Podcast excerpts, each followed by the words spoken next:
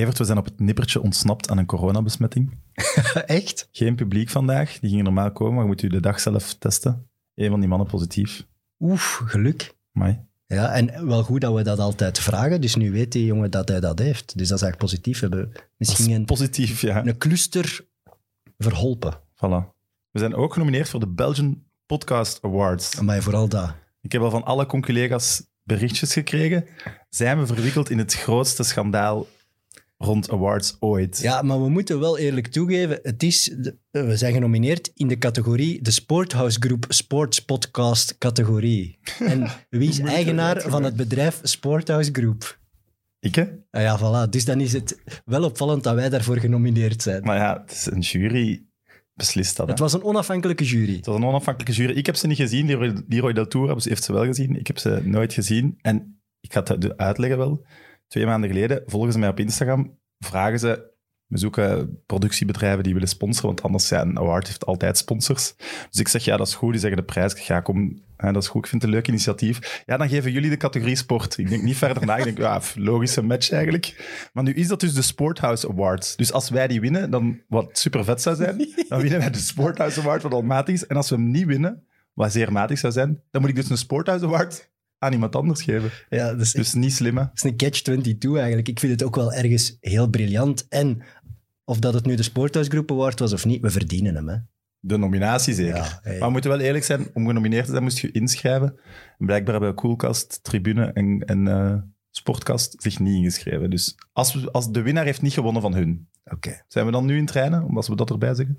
Ja, ik vind wel dat iedereen moet stemmen op ons. Dat neemt, allee, dat neemt er niks van weg. Nee, dat vind ik ook. En ik ga dat zelfs aanmoedigen door een mid-mid VIP-pakket weg te geven. ik ga zelfs naar Manchester om een shirt van De Bruyne te gaan halen. Als jullie, en we gaan op Instagram uitleggen hoe dat dan moet, als jullie stemmen en jullie sturen ons een DM'tje met een screenshot van het stemmen, dan kunnen jullie hier in de studio komen zitten en winnen jullie een gesigneerd KDB-shirt. Als we nu niet winnen, ik ruik een beetje omkoping. dan is het dan niet akkoord. Ik eh, vind wel dat je het verdient, maar de manier waarop is weer, eh, ja, is weer typisch. hè. Ja. En die stemmen lopen ook allemaal in het honderd. Want je moet op Fans of Sports stemmen, je kunt niet op ons stemmen. Maar goed. Oh, jongens. MidMid, de voetbalpodcast van Friends of Sports en Play Sports. Welkom, dames en heren, bij de Mid-Mid podcast. Te bekijken op PlaySports en YouTube. Te beluisteren op het fantastische Friends of Sports.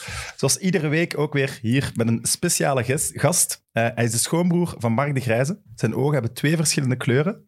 Nee, Hij zegt al nee. Twee keer nee al. twee keer nee. hoor. Hij trainde 21 clubs Dat zal wel ongeveer juist zijn. en speelde voor onder andere Norwich, Club Brugge en Ajax. Ja, dat is juist.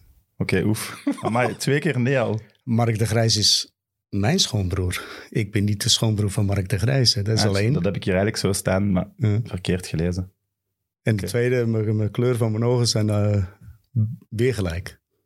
Ik heb een hele tijd verschillend geweest, maar het is nu weer goed. En hoe zeg je eraan gekomen? Door een operatie. Oh, ik, Destijds? Destijds eh, ja, druk op mijn oog en een operatie en het is eh, mislukt. En dan is die zenuwen afgestorven die die pupil aandrijft om kleiner en groter te worden. En dan jarenlang met eigenlijk een, een zwart oog lopen. Hè. Eh, wel goed kunnen zien, maar, maar het leek wel een glazen oog eigenlijk, een zwart gat. Eh, ja, ik snap wat je bedoelt, Ja. want op die foto's waren dan ja, twee ja, verschillend altijd. En verleden jaar in november eh, heb een een of andere magische chirurg dat eh, met een, ja, een, een artificiële iris recht kunnen zetten. Nu pas, na al die jaren hebben Ja. ze iets gevonden. Eh, ik moet zeggen dat ik er zelf niet naar gezocht heb, maar ik had toen weer problemen met mijn ogen, de druk. En ik ben daar bij een eh, chirurg geweest en die zei, eh, ja oké, we kunnen dat wel verhelpen met dit en dat en dat. En dan kwam er nog iets bij, nog iets bij. En hij zegt, ja, maar misschien kunnen we die kleur weer goed krijgen, maar het is wel een serieuze operatie. Eh, dan moet je proberen de juiste kleur te krijgen, wat Ja, heel ja, moeilijk het is wel echt goed gelukt. Ja, absoluut, heel goed. E- Esthetisch, top. Ja. Maar dan moet, is dat, niet, allee, dat moet toch super vies zijn om aan je Ja, ogen geopereerd te worden? Ja, dat deed ook redelijk veel zeer, moet ik zeggen. Ja? Oh. Dus ze kregen dat niet. in het begin kan je dat verdoven met, met druppels, maar dat duurde een beetje langer en dat, die verdoving werkte niet meer. En eh, ja, dan zie je echt What die dingen in je oog komen. En, maar ik vind wel dat hij een prachtige job heeft gedaan. Ja, en, eh, laten we het zo zeggen, voor het zicht alleen al is het, eh, is het, is, is, is het heel anders. Dus ik heb weer meer of min de kleuren van, laten we zeggen, 15 jaar geleden. Voilà. Denkt je dat dat u niet zo wat geholpen heeft als trainer? Zo, wat- Zo wat strenger. Strenger. Dat ene oog. Ja? Maar Of eerder ik ben niet? ook trainer geweest met twee blauwe ogen. Ja, ja. Dus ja, toen was Ja, ik ook wel ja. streng, hè? Dus ja, ja dat weet dat ene oogje, dat maakt er niet veel verschil, denk ik. Is dat een voetbalblessure geweest? Nee, nee, nee. De, je kan het krijgen door, eh, ja, laten we het zo zeggen, als je, als je druk op je ogen hebt. eh, ja, Niet van het koppen of zo. Niet dat ik weet. De, ik heb veel gekopt in mijn leven en veel hersenschuddingen gehad en breuken en noem maar op allemaal. Maar dat, dat is de, de- dat andere, andere symptomen. Maar dus, want ik heb al nog nooit zo snel twee fouten gemaakt, denk ik. Na is- drie minuten. Een nieuw record. Dat Ja. alleen al verdient een nominatie voor die awards. Ja, of, of het kan ook zo zijn dat de mensen ja, niet durven te, Nee, nee, zeker te wel. verbeteren. Dat, is kan ook. niet. We zijn voor een reden niet genomineerd voor host van het jaar. Oké, dus dat is waar. te weinig gesponsord. Punt bewezen vandaag. Oké. Voilà. Maar eh, dus je zei het al, Mark de Grijs is dus met u zus samen. Ja. Dat klopt. Ja. En dat is gebeurd toen jullie samen bij Club Brugge speelden? Ja, eh, ik, Was dat eh, moeilijk? Nee, laten we het zo zeggen. Dat is, dat is eigenlijk eh, een heel raar verhaal. Ik, ik ben van Engeland naar eh, Brugge gekomen. Ook al omdat mijn ouders... eh, mijn vader had een zwaar accident gehad. Dus ik kwam eigenlijk nooit naar Engeland. Dus dichter bij huis. Eh, toen ik dichter bij huis speelde... Amsterdam, Brugge is ongeveer een 280 kilometer. kwam mijn moeder heel vaak. En mijn zus, die toen nog jong was... Die kwamen veel op bezoek. Ja, dan was er een klein mannetje die Ja, daar om de hoek woonde. Die natuurlijk altijd kwam rondsnuffelen en bij ons kwam eten. En op een gegeven moment zit hij daar aan de tafel. en normaal is het mijn moeder die altijd bij mijn eerste opschept. En dat was dan bij hem eerste opschep. En, eh, en zodoende. En, eh, je hebt elkaar een mooi moment zijn geweest als ze hem dat moest komen vertellen. Maar ik trek me daar niet van aan. Nee, dat is. Iedereen heeft zijn eigen leven en eh, moeten nu ook wel leuke familiefeesten zijn. voetballen. Ja. Dus, eh, Alleen maar. het, het is alleen maar over voetbal. Dus iedereen eh, buiten de mannen, ja, eh, die braken er eigenlijk van.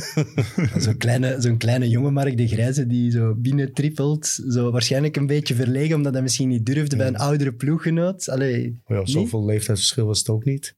Maar wij woonden dan met heel veel spelers daar eigenlijk in, eh, in dezelfde buurt. En dan trokken we veel met elkaar op. Gingen vaak samen gaan eten. En dan als, eh, ja, als mijn moeder daar was dan eh, met mijn zus. Ja, oké, die mingelen en, eh, samen en die ging dan mee. En, eh, Maar ja, ze zijn nog samen. ja, Dus het was echt grote liefde. dat moet je aan hem vragen. Ik hoop het voor hem als ze maar zo lang mee samen is.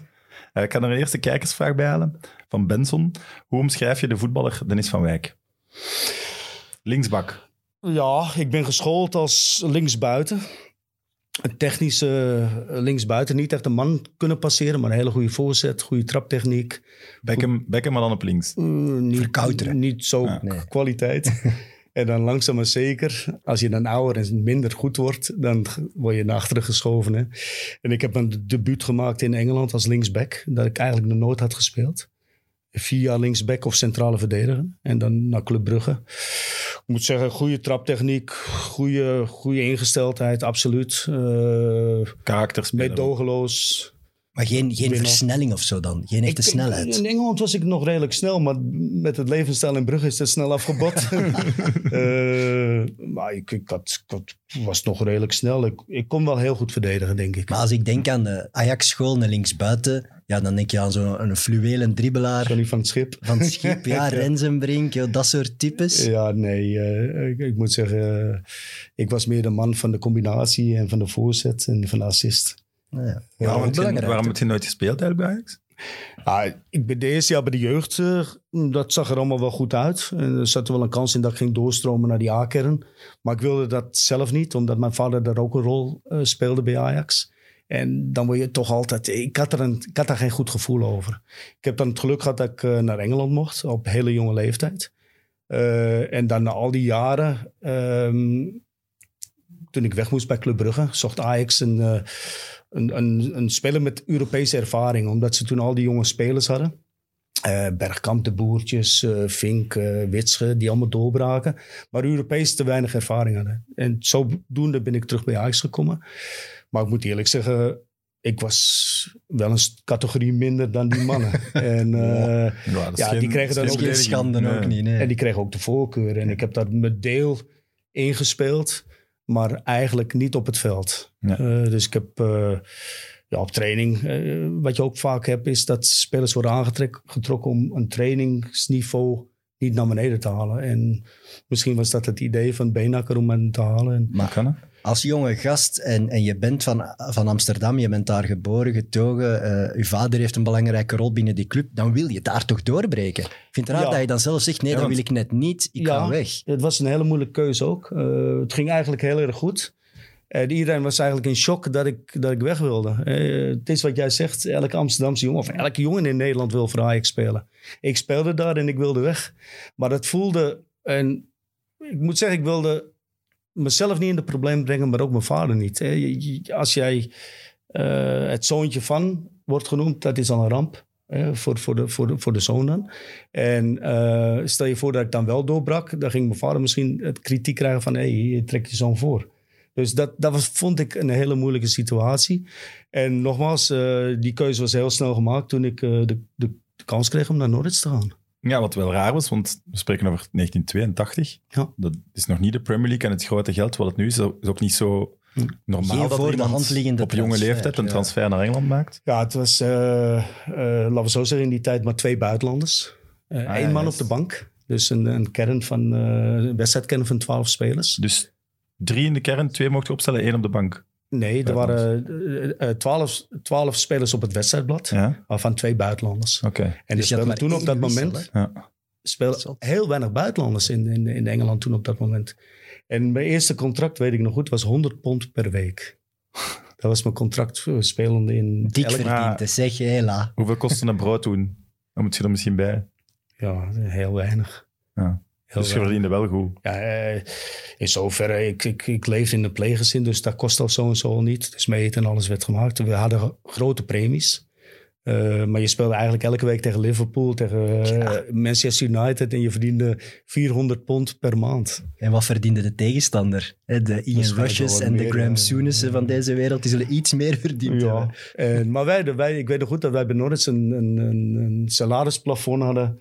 Toen in de tijd van 350 pond per, per week. Voor de sterspeler dan. Voor de sterspelers. En eh, dat is dan opgetrokken in al die jaren naar 500 pond.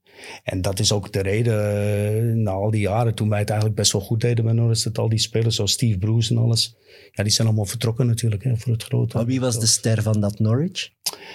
We hadden een paar goede spelers. We hadden Mickey Shannon, die eh, jaren voor Engeland gespeeld hadden. Asa Havert, WK's voor eh, Schotland. Eh, Dave Watson, die dan carrière heeft gemaakt bij eh, Everton. Steve Bruce, Man United. En zat Martin O'Neill ook niet bij jullie? Martin O'Neill was, eh, toen ik daar kwam, was de man. Maar die heeft maar twee jaar bij Norris gespeeld. En Dat was die op het einde van zijn ja, carrière. het einde van zijn carrière. Ja. En die kwam eigenlijk net terug van het WK. Met ja. Noord-Ierland. Dus dat was wel een groot verdiener dan, denk ik. Ja, dat, was, eh, dat denk ik wel. Eh, maar dat was ook de absolute ster bij ons in het begin. Heb je nog contact met sommige van die mensen? Ja, Met Steve Bruce? er is eh, elk zoveel jaar is er eh, een reunie. Eh, ja, dan komen de meeste spelers komen daar wel naartoe. Cool. En ik zeg het, we hadden toen een hele kleine kern. Hè. Ik denk dat je een kern had van 16 man. Dus die, die, die verbondenheid was wel heel erg groot. En als je dan, en dat is dan meestal, als je dan ook een beetje succes hebt voor een kleine club, ja, dan, dan blijft die band natuurlijk extra sterk. Ja. Dat doen ze in Engeland wel goed, hè? De reunies en oud-spelers betrokken houden bij zo'n ploeg. Dat vind ik daar wel altijd heel leuk. Ja. Dat is echt iets Engels. Zo iedereen elk jaar nog eens uitnodigen. En, en ook de manier waarop je dan wordt, eh, hoe moet ik het zeggen, als je dan het veld op gaat. Dat, dat, dat- Oké, normaal gesproken, dat soort dingen doet me eigenlijk weinig. Maar als je de laatste keer dat wij daar waren, zoveel jaar de, de League Cup gewonnen. En dan kom je op dat veld met al die oud-spelers. eh, En iedereen ja, terug. Ja, dat geeft, dat geeft wel een goed gevoel, moet ik zeggen. Dat is ook als je dan een kleinere club kiest als Norwich en je wint Ja. daar dan iets, Ja. dan ben je Ja. wel een legende. Ja. Want je behoort tot die ploeg die ooit die League Cup heeft gewonnen. Ja, ik ben- ik ben een keer aan- gewonnen, ja. Ik ben een keer geweest naar Norwich en ik vroeg achter kaarten. En ik kreeg echt hele slechte kaarten. Echt waar. Echt waar. ik, ik was me aan het verbijten op die tribune. Ik zei, man, dat kan toch niet? Ik heb de En na de wedstrijd ben ik teruggegaan. En toen heb ik gevraagd van... Oh, hoeveel You know spelers... who I am. Nee, nee, dat niet. Maar ik, ik zei wel van... Hoeveel spelers hebben er bij Norwich gespeeld al die jaren? Hij zei, ja, honderden. Ik zeg, maar hoeveel hebben de, de, de, de, de traders van Wembley beklommen? En die gast zegt, ja, twaalf. Ik zeg, ja, maar ik was er wel één van. Hè? Ik zei, je geeft van die klote kaarten. Oh, sorry, sorry. ja, Ik had je niet herkend. Ja, natuurlijk. Ja, en dat is hier la. En Oké, en dat, dat is dan allemaal weer goed gemaakt. eh, Was dat het mooiste moment in uw hele voetbalcarrière als speler Wembley? Dat vliegt voorbij eigenlijk. Hè? Je, je, je, je stapt in die bus, je zit in de kleedkamer, je, komt het veld op, boem, het is voorbij. Eh, dan, ja, dat is een roes waarin je komt. Hè? Ja. Het lawaai daar in, in het oude Wembley. Hè? Dus als je daar het veld op komt, de achterkant ziet je, maar de zijkant er nog niet. En dan hoor je eigenlijk dat geluid van de ene kant helemaal naar de andere kant komen. Dat is immens. En laten we zo zeggen, een afstand waar wij nu zitten, kan je elkaar niet verstaan. En, en natuurlijk, achteraf van je carrière is dat natuurlijk wel een mooi moment voor een kleine club als Norwich. eh, daar op Wembley spelen. maar op dat moment pak je dat mee en eh, je denkt, er gaan nog grotere dingen gebeuren. En oké, dat was dan wel niet het geval, maar er gaan nog eh, heel veel dingen gebeuren. En, eh, maar Dat gekund. Maar het had allemaal gekund, maar Was het een goede match? Want jullie winnen door een ongoal van iemand van Sunderland. Ja, wij waren, ik, ik moet zeggen, we waren best wel een goede ploeg. Ik heb onlangs eigenlijk die wedstrijd voor het eerst teruggezien. En wij hadden enorm aanvallende ploeg, echt een goede ploeg. Komen met een beetje geluk voor, maar we domineerden die wedstrijd wel enorm. Ik maakte nog een hensbal, waar een penalty uitkomt. Nee. Ja, echt, ik kon door de grond zakken. echt belachelijk. En bewuste hands? Ja, bewust ook nog. Voor Casimiro. 100.000 voor 100.000 man. En gelukkig dat hij nou schiet, die gast. en dat, dan is dat het mooiste. Hè? Ja, dus je maakt een hensbal. En normaal zeggen die mannen van... Ah, kan gebeuren, kop op. Nee, ik word er helemaal volgeschreven. Die zegt, "Klooi, wat doe je nu? Dat kan toch niet? Ja, in de finale, man. Ja. En hij schiet hem naast. En ik, poeh, man, vent toch. Ik had echt geluk. Dan schiet hij hem binnen. Ja, ja. En we verliezen. Anti-held. Ja, hey, Dan moet je niet afkomen met je dan kaart moet te vragen. denk ik. ja, we weten wie je bent. Ja, dat de geschiedenis er helemaal anders kunnen uitzien. Ja. En weet je, eh, allee, dat dat moment dat je op een vol... Dat moment herinner je je toch nog heel goed. Ah, natuurlijk. Die, die adrenaline op vijf seconden dat je weet, ik doe die hands en je weet, die scheidsrechter fluit. Dat moet toch 200 per uur zijn, Ja, hart. ik, ik, ik ga je zeggen, dat was, een echt, dat was gewoon een afgang eigenlijk. Hè. En ik kon echt door de grond zakken. En het was de eerste keer ook dat er een cameraploeg uit Nederland op het veld mocht zijn. Eh, Nee. Die hadden speciaal toestemming gevraagd. Dat was Harry Vermegen en alles. Dus na afloop krijg ik dan een interview op dat veld. Ja, en natuurlijk door, door, door de, de euforie dat die gast miste, ja, dan, dan zeg je dingen dat ja, dat eigenlijk heel belachelijk is. Maar, eh, Moeten we eens opzoeken. Ja, dat- Ja, dat, dat is wel tof. Maar, eh, nou, maar het is een mooi moment. Ik voel nu eigenlijk al aan de manier waarop dat je dat terug vertelt, dat het toch wel het grootste moment uit je carrière is. Je, je leeft helemaal op als je daaraan denkt. Ja, maar er zijn ook hele mooie momenten geweest bij andere clubs natuurlijk. Eh, mijn carrière is, is relatief kort geweest, hè? Eh, door, door, door die beenbreuk. Eh, ik heb heel veel wedstrijden gespeeld in die korte periode, ook redelijk wat gewonnen. Eh, dus die, die dingen die je dan gewonnen hebt, ja, dat, dat, dat, dat trek je toch dicht naar je, naar je Ah, hart. toe. Allee, ik, misschien romantiseer ik het te veel, maar op Nee, het oude Wembley is het toch... Een Engelse beker er dan is, nog eens, ja. wat, wat eigenlijk van alle bekertoernooien ter wereld misschien de mooiste twee bekertoernooien zijn. Daar heb je er één van gewonnen. Ja. Met een kleine ploeg. Het is niet dat je met United Ja. zeven titels en nog twee bekers. Nee, Ja, maar ik heb opgezocht, zo de road to the final. Jullie hebben wel niet veel grote ploegen gehad. Nee, we hebben geluk gehad. Alle de, Echt geen enkele grote. de, de derby, hè? Ja, Ipswich Norwich is de derby City United voor ons dan, hè? Ja. De, de, de East Anglian derby. En Ipswich was toen een goede Hey, ploeg. die had een goede ploeg. Ja, dat was een topploeg toen, hè? Eh, Die, die met, met eh, wie, was, wie was er allemaal die er speelde? Walker, eh, eh, eh, Mariner in de spits. eh, die speelde een paar jaar eerder speelde die Europees. hè? Dus voilà, het was wel een moeilijk parcours. Die wedstrijden waren wel moeilijk. We hebben toen op, eh op Ipswich heel veel geluk gehad. En Steve Bruce maakte de winnende goal. Heb je, die, heb je dat truitje van die wedstrijd bewaard? Ja, ik heb die trui nog. Eindelijk. Iemand die de vette shirts bijhoudt. Ja, dat, altijd, altijd als ze dat vragen, zegt iedereen, "Pff, nee, weggegeven. Ja, of dat- dat ligt daar. ja, maar die heb ik nog, maar de rest niet meer. Ik heb zelfs trainingspak, sokken, broekje. Ja, daar ben ik zo jaloers op. Eh, maar voor de rest heb ik Van ook Norwich. Ja, maar dat, dat is toch uniek? Van zo'n één Ja, maar jaar voor waarin hem is dat... dat uniek, omdat hij dat... voor- Voor ons is het toch dat minder. Ja, maar ik romantiseer dat allemaal. Ik vind dat je weet dat je erbij kleine- waart. Hele kleine broekjes. Die groene, die een groentje. er. groentjes, Ja. heel klein. jong. Waren er al sponsors op het shirt? Ja, Dat wel. het eerste jaar. Ah, Oké. Want ja, we spreken over midden jaren tachtig. Hoe was de, 85. hoe was de Engelse voetbalcultuur dan? De Ik Engelse- was nog niet geboren, bijvoorbeeld. Oh, ja, laten we het zo zeggen. Was dat hooligan? Nee, Ah, ja, dat was volle bak. Dat was volle bak hooligans. En eh, ze speelden op hele slechte velden. Ze waren wel vlak, maar er stond geen gras op. Op het hoogste niveau. Ja, was Oh ja. echt heel slecht. Ja, ondergrondse verwarming was dat toen nog niet. De groundsman eh, eentje. eh, het was wel, dat werd wel gerold, maar er stond weinig gras op. Ehm, Dus die moesten eigenlijk kick and rush spelen. ja, Dat was niet van te ik, kiezen. ik, ik moet zeggen, je moest eigenlijk heel goed one-touch voetbal spelen. Hè? Je kon die bal heel moeilijk controleren. En dan ook heel veel hooligans, heel veel miserie. Ehm, ook, je kan het niet vergelijken met nu. Hè? Er was een pubcultuur in, in Engeland hè, van onder de spelers. Hè? Je, ging bij wijze van spreken elke dag op café. Ehm, je ging dan een dag eh, voor de wedstrijd vertrok je op afzondering in een, in een hotel. Eh, drie, vier, vijf uur in de bus. En dan eh volgende dag spelen. En dan ja, weer met die bus terug. Twee dagen vrij. Werd heel weinig getraind. Heel veel wedstrijden. Eh, Dat is wel leuker, denk ik, als speler. Meer Ja. wedstrijden en minder trainen. ja. Ja. maar ook de, de, de eh, verbondenheid tussen de spelers. Dat moet ik zeggen, de vriendschap in Engeland is, is enorm groot. Omdat die gasten komen van heine en verre. Vaak jonge jongens die dan in, in, in Dix, in, in het pleeggezin komen. Ja. Eh, dus de enige familie die ze daar hebben, en ook in mijn geval, waren de spelers. Dus die, die, die, die vriendschap was, was echt heel erg groot. Maar als ik denk aan een citytrip, denk ik wel niet aan Norwich.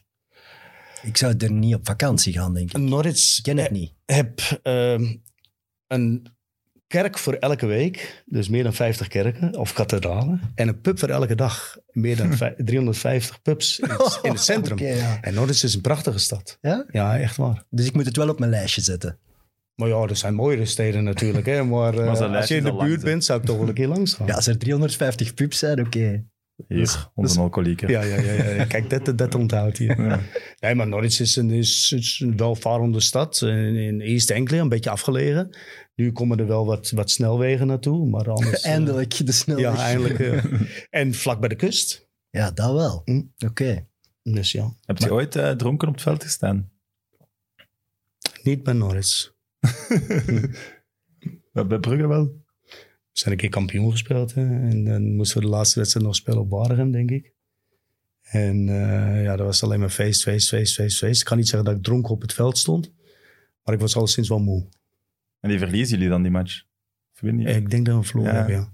Maar ja, je gaat, alleen zo de, de Engelse drinkcultuur bij de spelers is toch veel groter dan in België. Dus daar moet Ja, maar toch... zo Steve Bruce, dat is toch geweten dat hij daar je wel mee moet- sukkelt. je Heel veel moet- van hun legendes hebben alcoholproblemen later in hun leven. Ja, ja kijk, je moet natuurlijk één ding niet vergeten. T- Toen wij speelden, was er geen social media. Nee.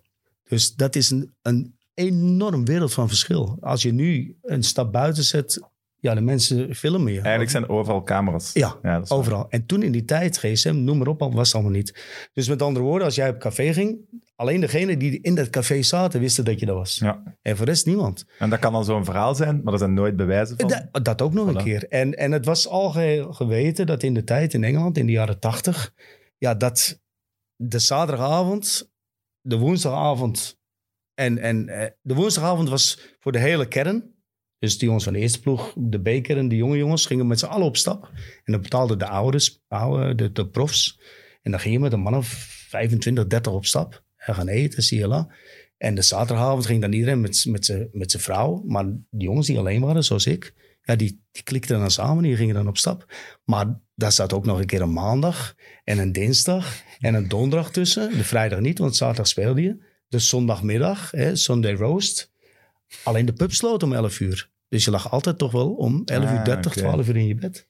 Maar dat die mannen elke dag op café gingen, ja, dat was bijna wel zo. Ja. Ja, en 100 pond per week, die moet op natuurlijk.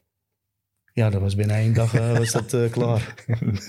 Steve Bruce is eh, vorige week of twee weken geleden ontslagen bij Newcastle. Is hij dan een berichtje gestuurd? Of Nee. Jullie hebben In niet het die band? voetbal verwerkt dat eigenlijk niet zo. Hij nou, wist dat ook zo en zo al, dat hij ging ontslagen worden. Ja, dat sowieso. En eh, ik denk dat ze hem nog die duizendste mats hebben gegund. En eh, oké, dat liep voor hem dan valikant af. Maar eh, Steve wist dat van tevoren al, dat er geen toekomst meer was voor hem. Hij was ook niet geliefd, hè. En dat, niet was, meer op het einde, nee. en dat was heel raar, want hij komt van Newcastle. Ja. Hij, is, hij, is, is, hij is een Hij Jordan. zei, ik hoorde in Rush dat hij eh, in zijn afscheidsinterview, of nadat hij ontslagen was, dat hij had gezegd, ik ben blij dat mijn ouders niet meer leven, dat die dit niet hebben moeten dat was meemaken. hard. Dat was hard. Ja, dat is denk ik het hardste Ja. wat je kunt zeggen. Ja, kijk, het is een jongen van de streek en eh, hij, is, eh, ja, hij, is, hij, is, hij is serieus beschadigd. Hè? Maar dat gebeurt bij heel veel trainers natuurlijk. Ja. Misschien op een, op een... Dat gebeurt bij mannen zoals ik ook. Alleen dan is de, hoe moet ik dat zeggen, de intensiteit misschien wat, wat De minder. impact is niet wereldwijd. Omdat daar ja. zitten daar 60.000 man op tribune. En, en bij Roeselaar zitten er 600 man op tribune, bij wijze van spreken. Dat is te weinig. Of 6000. Eh, dus, dus dat is een heel andere dimensie. Ja. En eh, ja, oké, eh, ik kan me er wel wat bij voorstellen. Dat je familie, en eh, ja, ik heb dat zelf ook wel aan de lijf ondervonden. Je, je wordt geïntimideerd, je wordt lijfelijk bedreigd, je wordt uitgescholden. Je wordt, eh er Het wordt is altijd uw schuld. Hè? Als het niet goed loopt, is het altijd uw schuld. De Ja, trainer maar dat, altijd weet, de dat schuld. weet je. Maar eh, ja, ik heb ook wel, wel standjes meegemaakt. Ik zeg van, hmm, dat, eh, ja, toch liever anders. In de voetbalwereld is het misschien ook, Steve Bruce had, romantiseerde misschien zelf die relatie met die club waar hij een hele goede band mee heeft. Maar als het dan wat slechter gaat, ben je ineens weer helemaal niets. En dan denkt zo een Steve Bruce misschien van jongens, allee, kom, ik hou van deze club. Ja. Ik heb hier zoveel meegemaakt en plots word ik hier uitgescheten, word vuil van de straat. Ja, en Ik zeker dat wat er nu raar- gebeurd is allemaal Ik daar. zou dat ook heel raar vinden. Ja. Ja, maar. Je romantiseert dat misschien allemaal te maar- veel maar zelf. Dat is één ding wat je moet afleren zodra je in het voetbal stapt. En dat gaan jullie ook nog wel meemaken. Romantiseren, dat, dat, dat is uit een boze. Dat, Maar je hebt ook nog, nog een gevoel voor Norwich. Je hebt daar toch een hart voor. En als die jullie trainer maar- zouden maken, dan bingen ze je ook weer uit de fluiten als je onderaan staat. Jawel, maar dat weet je van tevoren dat, dat, dat dat gebeurt. Dus dat, daar moet je geen illusies over maken. Maar wat wou je zeggen? We mogen niet, niet romantiseren. Nee, want in de voetbalwereld, die, die, die, die, als je een romanticus bent, dan word je wel heel snel met je neus op de feiten gedrukt dat dat niet zo is. Voetbal is een keiharde business, wat niemand en niets wordt ontzien. En je kan het nu goed doen en je wordt op een pedestal gezet en je wint eh, Hosanna, noem maar op. En binnen een splitseconde is dat anders. En dan kan je van zo naar zoveel, of andersom ook, dat kan ook. Dus we moeten al stoppen. Nee, je moet De nog een beetje eerst die award en dan op het hoogtepunt stoppen. Eerst die award kopen en dan... ja, ja, ja, ja. Ik kan een goeie eigenlijk. Meteen stoppen gewoon. Maar dat wil eigenlijk ook zeggen dat je van je hoogtepunten, zeg je, moet je ook niet eh, super hard genieten, want je weet dat het rap gedaan kan zijn. Maar- dat vind ik wel jammer. wel. Of Ja, heel hard. wel. Ja, heel uitbundig. Ja, en dat is een van de Maar dat is re- moeilijk. Een van de dingen die ik eigenlijk nooit gedaan heb. Bijvoorbeeld met dat Wembley-verhaal.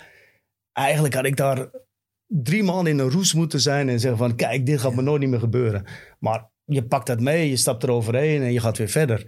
En achteraf gezien, als je dan de leeftijd hebt die ik nu heb... dan ga je erover nadenken en zeggen van... Ja, godverdomme. Ik had er toch meer van moeten profiteren van die Maar ja, hoe moeilijk is dat? Om in het moment zelf Stilstaan, even stilstaan en ja. genieten, dat is Ja, niet dat is gemakkelijk. heel hè? moeilijk. Dat, Ja. dat weet ik wel. Maar toch moet je het doen. Na vier jaar Norwich, Club Brugge. Eh, Hoe anders was de Belgische competitie en het Belgisch voetbal toen? We Ik- spreken over 86, 87? Eh, ja, 86 ben ik daar gekomen. Eh, mijn eerste dag was toen, dat was eigenlijk onvoorstelbaar van de vriendschap en de warmte die ik had bij, in Engeland. Ik kom dan een zondag, ik vergeet het nooit, een zondag hier in Brugge met mijn kostuum aan, plastron, uh, lakkei schoentjes, netjes. In Engeland moest je kostuum dragen als je naar de match ging. En ik teken mijn contract en ik moet s'avonds nog spelen. Ze vroeg, Henk Houwer vroeg, kan je, kan je spelen vanavond? Ik zei, ja, ja, spelen. ik moet Dus eerst tekenen, s'avonds... Nee, dat, dat was 's middags. Hè. We kwamen daar in de, in de- rond 12 uur kwamen we aan. Ja, eh, een beetje babbelen over het contract. Dat is ILA. Howard komt binnen. Kan je vanavond niet spelen? Brugse Metten. Ah, oké. Ik zei, ja, maar ja, spelen, hallo. Ah, kom, kom. Ik zei, ja, dan moet eerst dat contract getekend worden. Nou, dat, eh, drie kniebuigingen. Eh, Ik, ik was fit verklaard. Dus ik teken dat contract. En eh, ik, ik, ik kom de kleedkamer in, in mijn kostuum. En al die mannen zie ik zo kijken. Zeg, wat komt daar binnen, man? Wat is dat er voor een? Dus ik ga Arrogante iedereen een hand. Ik geef iedereen een hand. Ja, ah ja. Dennis van Wijk, Dennis van Wijk. We kleden ons om en we moeten naar de veld toe. En er is niemand in die ploeg die zegt tegen mij, successen. Niemand. Ik zeg, wow. Ik zeg, wat is dat? Waar ben ik nu in beland? Of wie ben jij? Welke positie? ja, ja, ja. Die man, ik dacht, wat is dat? Wat gooien ze hier nu binnen? Oh, maar wel raar. Ik zou net denken dat Brugge een Ja, super maar familiale ploeg en was de- toen. Ja. De kastje moet de deur open doen, toch? De Maar iedereen was eigenlijk argwanend, want wat komt er hier nu binnen? Ja. En dan, oké, die wedstrijd is gespeeld en dat ging allemaal goed. En, en eigenlijk dan van de volgende dag was dat, was dat ijs gebroken. En dan heb ik een fantastische tijd gehad hè, in Brugge. En ja, je kent alle verhalen wel van die tijd. Hè, dat, Maar eh, is dat dan ook omdat die ploeg eigenlijk ook heel hard aan elkaar hing? En je valt daar ook wel binnen. Ja, dat waren ook allemaal vrienden, ja, toch? eh, dat zal daar zeker iets mee te maken hebben. Zeggen ze, van, waar komt die eh idioot zeggen? Hugo Broos, de twee van der Elst, Keulemans, de Grijze. Jij, dat is die ploeg, hè? Ja, Van de Wallen. van de Luc Bijes, ja, eh, Kreven. Kreven, ja. Ook weinig buitenlanders, hè? Was dat in België toen ook? Maar ja, dan, er mocht maar drie buitenlanders. Hè? Toen in de tijd. Eh, Mamadou. we hadden Mamadou, we hadden Brillen, ik, en later kwam Rosenthal erbij. En dan moest je er alleen uit de selectie laten ja, als je moest er alleen uit, ja. Dus drie, drie mocht je erop stellen. En dat, dat, dat, eh, dat kan je allemaal niet vergelijken met nu. En daaronderling was er eigenlijk geen... Laten we zo zeggen dat, dat Mamadou en ik speelden in principe altijd. En dan was het tussen Brillen en Roosdal op het laatst dan. Ook Eh, twee goeie. Ja, ja, eh, Brillen was, was wel top. Hè. Ronnie was een beetje blind. Prachtige carrière gemaakt. Ja, Tottenham, Liverpool, standaard. Maar Brillen was eigenlijk wel twintig keer beter dan Rosenthal. Hè. Dat was een stylist, man. Dat was een prachtige voetballer. Ja, het- Maar hoe goed was Brugge toen in het algemeen? ja Hele goede ploeg. heel Ja. goed, hè? Keulemans, de Grijze. Grijze, Brillen, Keulemans. Die dan alleen alleen al. top, top 20 van Europa? Zeker. Ja? Denk ik wel. Allee, ik mag dat zeggen. Ik denk het wel, hè? De wat? Top De 20, top van, 20 van Europa. Europa? Dat denk ik ja, wel. we, we moeten altijd natuurlijk die, die wat is het daar, die UEFA Cup eh, finale spelen. Eh, dat moeten we altijd spelen. We hebben dat zelf weggegooid toen in Espanyol met die rode kaart. En dan op het laatst, eh, anders speel je de finale van de UEFA Cup. Dus dat betekent dat je top 20 bent. hè. Ja, En klopt. dat parcours daar naartoe was fenomenaal. Hè? Je hebt dat Zenit, Rode Ster, ja, dan Borussia Dortmund. Ja. Dat waren niet de kleinste ploegen. Hè? Dus dat, dat was gewoon echt een heel goede ploeg. En we weten allemaal dat Kaje niet voor het buitenland gekozen heeft. Die had dat makkelijk gekund. Frankie van der Elst ook, had dat ook gekund. Eh, ja, Mark de Grijs is pas daarna vertrokken. Dus dat was gewoon echt een goede Ja, ploeg. die mannen, die, die eh, broers, eh, de twee van de Rels, de Kastje, kwam allemaal terug van het WK. Hè? Dat is zo goed hebben gedaan. Hè? Ja, het is dat. België was toen ook op het ja. WK heel goed. Hè? Hoe oud werd jij toen? Vijf. Niet, ik ben in 85 geboren. Dus niet vijf. Nee, maar die beelden van... Ja, Dortmund is nu het iconische moment, daar wordt altijd naar teruggegrepen. Ja. Maar er was in dat jaar veel meer dan dat. Hè. En Maar het is dan wel opvallend, één titel. Ja. Dat- te weinig. Eh, ik moet zeggen dat de concurrentie ook groot was. Hè. Mechelen was toen ook een, eh, een topploeg. Hè. Met Cordier en met Atemos. Hè. We wonnen wonnen ook de Europa Cup toen eh, in die tijd. Hè. Anderlecht was top van Europa ook. Hè. Dus dan had je al drie topploegen. Dan had je nog Standaard die een hele goede ploeg was. Dus het, Antwerpen heb een heel goed jaar gehad. Toen, toen wij kampioen waren uit Antwerpen ook een, met Kessler. Ah, wel, het was een quizvraag voor Evert. In 88 worden ze kampioen. Twee punten voor op twee ploegen die tweede staan. KV Mechelen en... Ja, Antwerpen stond toen met de winterstop Ja. ver voor, denk Ja, ik. Die hebben het helemaal laten Ja, liggen toen. klopt. Ja. Ja. Met de Sissen, Sis Severens in de spits. En Henk van Rooij, denk Ja, ik. eh, Frans van Rooij. Frans van Rooij, ja. Voelt je meer Belg dan Nederlander ondertussen? Nationaliteit ben ik Belg. Dus ik ben een Belg. hè. Ik heb in principe maar 19 jaar. Van mijn 59 heb ik in Nederland gewoond. Ja, dat is veel, hè? 19 van de 59. Ja, 19. 19 jaar in Dat is Nederland. een derde. Ja. Ah, ik, heb, Dan is hij meer Belg. ik, Ja, ja, maar hoe voelt je, bedoel ik, hè? Ja. ik ben opgegroeid in Nederland natuurlijk, in Amsterdam. En ik ben op mijn 18e vertrokken. Ik ben dan nog een jaartje teruggekeerd. En al die andere jaren heb ik in Engeland, in Griekenland, eh, weet ik veel waar, maar vooral in België gewoond. Dus ik ben van bloed Nederlander, maar ik denk van levensstijl Belg. In Dat Nederland is de gaan ze... mix, denk Nee, ik. maar in Nederland gaan ze u toch beschouwen als Belg? Ja, dat ja. wel. Daar, Want wij zeggen hier absoluut. dat je Nederlands praat, De Hollander. Hollands praat, zeg maar. Maar daar zeggen ze dat je Ja. Vlaams praat Ja, dan. ja, ja. ja, eh, ja, als ik terugkom in Amsterdam, ja, die mannen die, die lachen hoe ik spreek, bij wijze van spreken. en, eh, natuurlijk, als ik een maand in Amsterdam blijf, dan praat ik weer plat Amsterdams natuurlijk. Maar eh, ik word daar aangezien als, ja, als, als Belg eigenlijk. Hè? Ja, en in je trainerscarrière heb je ook wel bewust gekozen om, om vooral Belgische ploegen te nemen. Hè? Ik denk Maar ja- Willem II zit erbij. Ja, Willem II, ja. maar voor de rest... Maar je- bewust als, als trainer kan je, kan je niet bewust kiezen. Hè? Je, wordt, je wordt gevraagd en je pakt het of je pakt het niet. Eh, ehm, carrièreplanning als trainer, forget it. Dat doe je in het begin van je carrière en dan word je altijd kroonprins van de trainers genoemd. Zo hebben we er veel. Uit massa's. Ik ook onder andere. En dan denk je van ja, nu bij Oostende gaat het goed. Misschien de volgende stap is dan dat. En de volgende stap is dan Club Brugge of dat. En zie je dat. Maar dan ja, dat, dat, dat, dat, dat, er gebeuren dingen onderweg. En die carrièreplanning. eh, Maar ik weet bijvoorbeeld eh, dat je voor Louis van Gaal bepaald werk gedaan hebt. Had je op dat moment niet gedacht van, oh, als, als de grote Louis van Gaal met mij wil werken, dan zit er ook in Nederland meer in. Kan ik uh, naar topploegen? Ja, ehm, ik heb voor Louis heb ik wat scoutingswerk gedaan toen in de tijd dat hij trainer was bij Barcelona. Ja, kijk, die komt scouting. zomaar bij u terecht. Ja. Dat is toch een naam. Ja, maar oké, dat is dan ook via via dat dat gebeurt. En ik heb Louis meegemaakt dat ik bij Ajax speelde. Toen was hij trainer bij de A1, bij de jeugd, bij de U18. Ehm, ik heb waarschijnlijk ook veel te weinig gebruik gemaakt van die kruiwagentjes. Die eh, connecties. ja, ja, ik- ik ben niet eh, een vragerig type. Je Maar zat, je hebt ja. ook nooit in Nederland gespeeld, dus het is toch ook logischer dat je trainerscarrière begint en waar zat- in de ploeg, in de competitie waar je veel gespeeld hebt. Oké, maar hij zat wel bij een, hij zat zowel in de jeugd bij Ajax. En bij Ajax ja, heb je gasten die daar jarenlang meegaan, die blijven daar zitten. En dan heb je in een selectie gezeten met mensen die allemaal zijn doorgebroken op het allerhoogste niveau. De, de Hm. Boertjes, eh, Blind, noem maar op. Ja, die zou je wel kunnen bellen. Af Ja, en heb- toe je carrière. Ik, laat me zo zeggen, ik heb twee toplichtingen meegemaakt bij Ajax. Dus de eerste lichting was dan met wat ik net al zei, met, met, eh, met Kieft, eh, Vanenburg, Van Basten, Van het Schip, Siloy, Menso, noem ze maar op allemaal. Die kennen u, die kan je bellen. Ah, ja, natuurlijk. Ja. En de tweede lichting was dan met Witsche, de Boertjes, eh, Roy, eh, Vink. Witmanen. Sonny Siloy. Nee, eh, Sonny Siloy was bij de eerste, bij de eerste lichting, de eerste keer. Tuurlijk kan ik die bellen.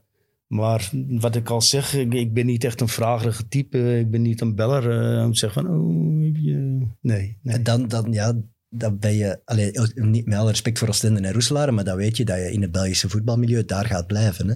Als je niet, niet, Ja, niet dat- zelf ligt te zoeken ja, en te wringen. Dat zijn wel momenten geweest dat het bij bepaalde clubs zo goed ging. Dat je toch wel in, in, in laten we zo zeggen, contentie was voor, voor, een, voor, een, voor een betere ploeg. Dat, dat, er is wel sprake geweest dat ik ooit een keer naar Genk ben. Ja. Had gekund of...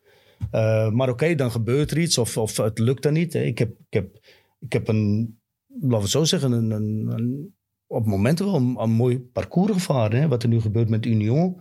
Oké, dat hadden wij meer of minder bij Mons ook gedaan. Hè? Eh, gepromoveerd en dan tot, eh, tot december in de top 6. halve finale van de beker. Eh, als, als Perber de penalty niet mist, spelen we die finale van de beker. En dat is natuurlijk een mooie opstap om dan naar, naar, naar een topploeg te gaan. Standaard, bij wijze van spreken. Oké, dat, dat lukt dan niet. En, en op een gegeven moment eh, valt dat er wat tegen. Je, je, je krijgt schop ja, om je daar, gat. daar heb je toch over gezegd dat je daar wel geflikt bent geweest, bij Mons. Door Bayat. Ja, eh, eh, geflikt, ja. Ja, Ja, hoe moet je dat zeggen? Ja, hij had, laat had zo het niet zeggen voor dat- u, je werkte niet mee, hij had het niet voor u. Ja, in het begin, uh, Mochi is weg bij, bij, eh bij Charleroi. Komt zijn spelers aanbieden bij, bij Mons. In het begin zijn dat goeie. Eh, voorzitter Leone en technisch directeur een boeien pakken die. In samenspraak met mij. Eh, het gaat ook heel erg goed. We hebben een hele goede ploeg. Top voetbal. Eh, leuk om te zien. eh, zeer aanvallend. En dan blijft hij zijn spelers aanbieden. Maar ja, dat wordt dan tweede categorie, derde categorie, vierde categorie. En dan zeg ik van, nee, nee daar kan ik niks Top. mee doen. Ja. Dus hij kan zijn waar niet kwijt. Ja, gaat dan zagen bij de zoon van Leon en zeggen... ja, die van Wijk, hé, eh, wat is dat er voor een? Dan in die kleedkamer lopen er al een stuk of vijf, zes spelers. Nikese eh van, van, van Moji. Die pakt dan eh expres een rode kaart bij wijze van spreken. En het is, ja, het is moeilijk. Dan, Ja, dan probeer je daar tegen te vechten. En, ja, en ja, dan heb je players power, hè. Ja. Dan, dan heb Ja, je, als je vijf, zes spelers vanuit je basisploeg hebt die niet meer mee zijn met de Dan heb je coaches, een probleem. ja, dan ben je verloren. En dan eigenlijk kom ik dan nog goed weg. Oké, eh, Leoni wil, wilde me eigenlijk wel niet ontslaan. En ik denk een Boeio ook niet. Eh, want met hun had ik wel een goede band. En we, hadden het gewoon heel erg goed gedaan in Mons. Hè. Een toffe ploeg eigenlijk. Echt een hele leuke ploeg. Ik had er de echt speelt zin. daar nu, hè? Marvin Ogunjimi. Ja, in het Ja. nieuwe Mons. Ja, die nieuwe zijn Mons, erop gestart. Wat tof. En dan ja, eigenlijk uit coleren zeg ik dan... Ja, ik ga naar Charleroi en ik ga zorgen dat die ploeg naar de eerste klasse komt. En, eh, uit, een- ja, Messen en oom. En dan drie dagen later belt eh, Abbas uh, Bayat belt me op. Uh, monsieur Van Wijk. eh. ja, gesproken. En, het lukt dan ook nog. We promoveren en dan zie je waar Charleroi staat. En kijk waar Mons is. En ik heb het voorspeld. hè. Oké, ik heb geen glazen bol. Maar ik heb tegen Leone gezegd, hij gaat je ploeg kapot maken, hè, man. En het, het, het is, het is zo gebeurd. Ja, Charleroi had ook gewoon veel meer potentieel. Ah, absoluut, absoluut. En er zat daar op een gegeven moment 16, 17.000 man Ja, ja. in tweede klasse. Maar ben je, ben je allee, ik kan misschien wat stukken overslaan, maar ja, dan ben je wel de degradatie-promotietrainer. Van die stempel raak je wel niet meer af. Ja, dat is juist. Hoeveel Dat is keer zeg je gedegradeerd? Want je hebt vijf promoties naar eerste klasse, één Ja. naar tweede. Eh, ik ben met Roeselaar gedegradeerd. Ben met ehm KV, Cerkel, KV Mechelen, En Sint-Truiden. Vier. vier. En zes promoties. Waarvan vijf naar eerste. Dus we ronden af op plus twee. Bij de promoties, Toch? Ja. bij de promoties hebben ze mooi op tijd aangesteld. en bij de degradaties waren ze te laat, een paar weken. Maar dat is wel bij degradatie. Ja, je bent heel weinig aan het seizoen begonnen. Hè? Ja, dus Ja, je dat valt daar nog tien wedstrijden. Hier, los het dan maar op. Zou er een trainer zijn die degradeert met een ploeg die de trainer was aan het begin van het seizoen? Dat gaat er niet veel zijn geweest in de geschiedenis. Hè? In Nederland gebeurt dat vaker. In België ge- gebeurt dat bijna nooit. Dan ligt de trainer met november buiten. Want dan is het paniek. En Tegenwoordig gebeurt dat, hè. Kijk naar Norris. Ja, Ja, die hebben Varken, twee keer gedegradeerd. Daar mag blijven. Twee keer gepromoveerd, Sheffield United. Maar dat is Eh, een de- beetje een ding, eh, tactiek ook hè, bij hun. Het is toch zo om hun financieel wat te redden, een beetje een tactiek. Niet te zwaar investeren als ze opgaan. Niet echt erg vinden om te zakken. Ja, maar, maar Waarom zou dat dan bij ons niet kunnen? Waarom moeten al die trainers altijd maar ontslagen worden? Als je dan toch gelooft in een trainer, hou hem dan. Ja, maar geloven in een trainer, dat is heel erg relatief. Hè? Als een trainer wordt aangesteld, gelooft iedereen erin. En het is eh, het, het type dat we zochten en hij past bij ons, en CLA. En dan twee weken later is hij old school en hij past niet bij de club. En eh, het is geen people manager, want dat zijn de termen die nu worden, worden naar meegestrooid, Peter hè? Maas. Peter Maas, old school, hallo. Hij heeft toch een staf, man. Kom aan, met specialisten. Ik, ik, ik, ik denk dat ik ook wel het, het, het, het, stempel old school op maar is daar iets mis mee? Daar is niks Maar, mis maar mee. vergeet niet, ik, hoe lang ben ik nu al trainer? Ik denk dat ik begonnen ben dat ik 31 was. Ik was een van de eerste in België die, die, die lactaattesten liet doen. Hè, met, met hartslagmeters werkte. Eh, de eerste trainer met een Afrikaanse hulptrainer. En eh, we we hebben heel veel jongens met, met eh, moslims die, die dan in de ramadan zitten. En hey, dat wordt allemaal onderschat. Maar ik had dat wel. En dan was je dan vooruitstrevend. En nu ben je dan waarschijnlijk oldschool, maar je, je evolueert toch mee. Peter Maas evolueert toch mee met, Eh, met de ja, maar ik snap, ik kan me perfect wel voorstellen dat die, zijn aanpak bij een bepaalde groep beter aanslaagt dan bij een andere. En dat hij zijn aanpak daardoor niet, niet moet veranderen. Of maar je, je zal wel je een oplossing vinden, maar Beerschot heeft een kern van 30 man. Een grote kern, denk ik. Ja. Dus met andere woorden, er zijn er sowieso wel 12, 13 die pro zijn. Die spelen altijd. Je hebt er een paar die eh, wat, wat prioriteiten verliezen en die ja. niet spelen. Die zijn dan anti. Het komt allemaal neer op resultaat. Tuurlijk, het heeft niks te maken met, met old school of people managing of, of noem maar op allemaal. Het heb, hoe sta je bij de voorzitter of bij de technisch directeur? Eh, sta je daar goed bij? Oké, dan is je krediet, eh, krediet wat, wat, wat langer. Win je, ben je de beste. Verlies je, ben je de slechtste. En als ze dan smijten met old school, people manager, eh, noem maar op. Al, je hebt, je hebt, De laptoptrainer. ja, de, de, ja, de laptoptrainer. Ja. Heb jij een laptop? Ja. ja. ja, maar, maar, Maar, ik zo'n term, zeggen- de laptoptrainer, ja. wat doet hij dan? Kun je het niet? Ja, Ja, de, laptoptrainer heeft nooit gevoetbald. dat hoop ik. Als hem die dan niet gebruikt. Maar Nee, maar als ze, dat is dan een modewoord. Ja, ik denk niet dat Dennis van Wijk op de lijst staat van laptoptrainers.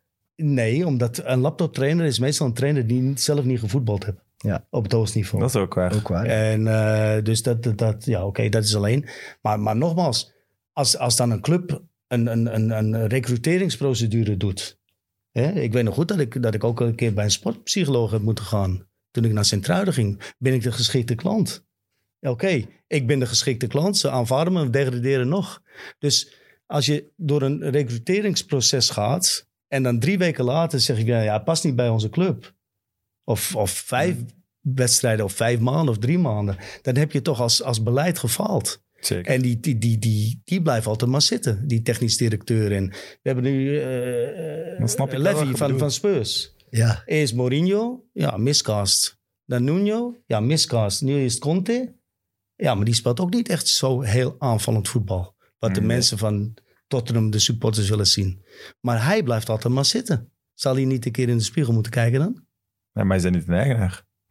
Ik denk niet dat hij de eigenaar is. Misschien een klein pakketje minderheidsaandeel Ja. voor zijn geleverde werk. Maar Maar Ja, op als zich, jij... ik vind dat hij nog wel... Hij heeft dat nieuw stadion daar gebouwd. Maar- toch een aantal spelers voor veel kunnen verkopen. Kan je- Maar de laatste jaren heb al 15 jaar geen trofee ge- eh, gewonnen, Spurs. ze hebben toch mond gesnoerd.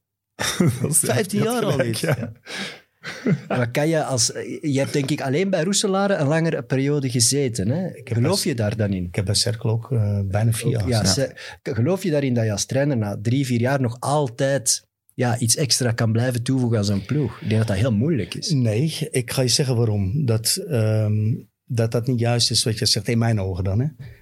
Het verloop van de spelers is zo groot dat je bijna elk jaar met 7, 8, 9 nieuwe spelers moet starten.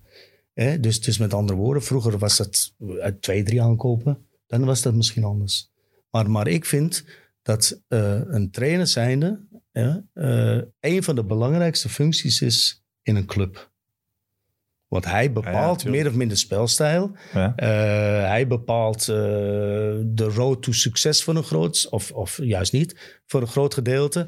Dus dat betekent dat als je een trainer aanstelt en iedereen is er 100% van overtuigd dat hij de man is die dat gaat doen, dan kun je toch zo'n trainer niet, omdat je drie keer verliest door omstandigheden. Hè, kijk nu, eh, Everton gisteren. Die hebben zes, zeven geblesseerde, hele belangrijke spelers. Gomez, Doucouré, Calvert-Lewin. En, en die trainer wordt dan afgerekend op de resultaten. Geen aankopen gedaan. Hè. Twee of drie eh, vrije spelers gehaald. En Benitez moet nu misschien weg, dat weet ik niet. Omdat het slecht gaat. Maar ze hebben hem in eer en geweten gehaald. En dan krijgt die vent niet de tijd om zijn stempel te drukken. Dus dat betekent dat alles draait, maar dan ook alles draait om winnen of verliezen. Ja. En dat hangt vaak af van superkleine details waar als Ja. trainer misschien Ja. niet per se veel aan kunt doen. Maar hoe is dat dan vol te houden? Want we hebben het al gezegd, je hebt 21 clubs. Ik vermoed bij de meeste ontslagen. Dat is toch... Allez, Vermoed, dat weet je. Ja, oké, Ja. maar ik, wou, ik kon niet zeggen hoeveel het exact was. Nee, 21 maar, eh, keer. ja, het, eh, eh, laten we zo zeggen, het is altijd een uitdaging. En het is altijd toch een stukje om te tonen van, nou ja, ik kan het wel. Eh, dat is een mooie Dus ego en opportuniteit. trots ook. Misschien een stukje ego ook wel. Eh, ja, alle trainers hebben toch wel een stukje ego. Hè. ik denk dat anders geen Jullie trainer ook, hè. TV-persoonlijkheden hebben allemaal een stukje ego. Hè. Eh, je moet er goed uitzien. Je wil een mooi truitje dragen. Je wil, ja, je wil met nieuwtjes komen. dus dus ehm, ja, misschien die drive, ik weet het niet. Misschien, het is, ook een, het is best wel een tof leven ook wel. Hè. Je bent altijd onder de, Maar het is altijd verhuizen. Nee, in België valt het wel mee. Je kan Jij blijft altijd- overal naartoe rijden. Hè? Je blijft daar slapen twee, drie nachten per week. En, en, en, en je rijdt terug op je vrije dag. En, maar je bent niet veel thuis.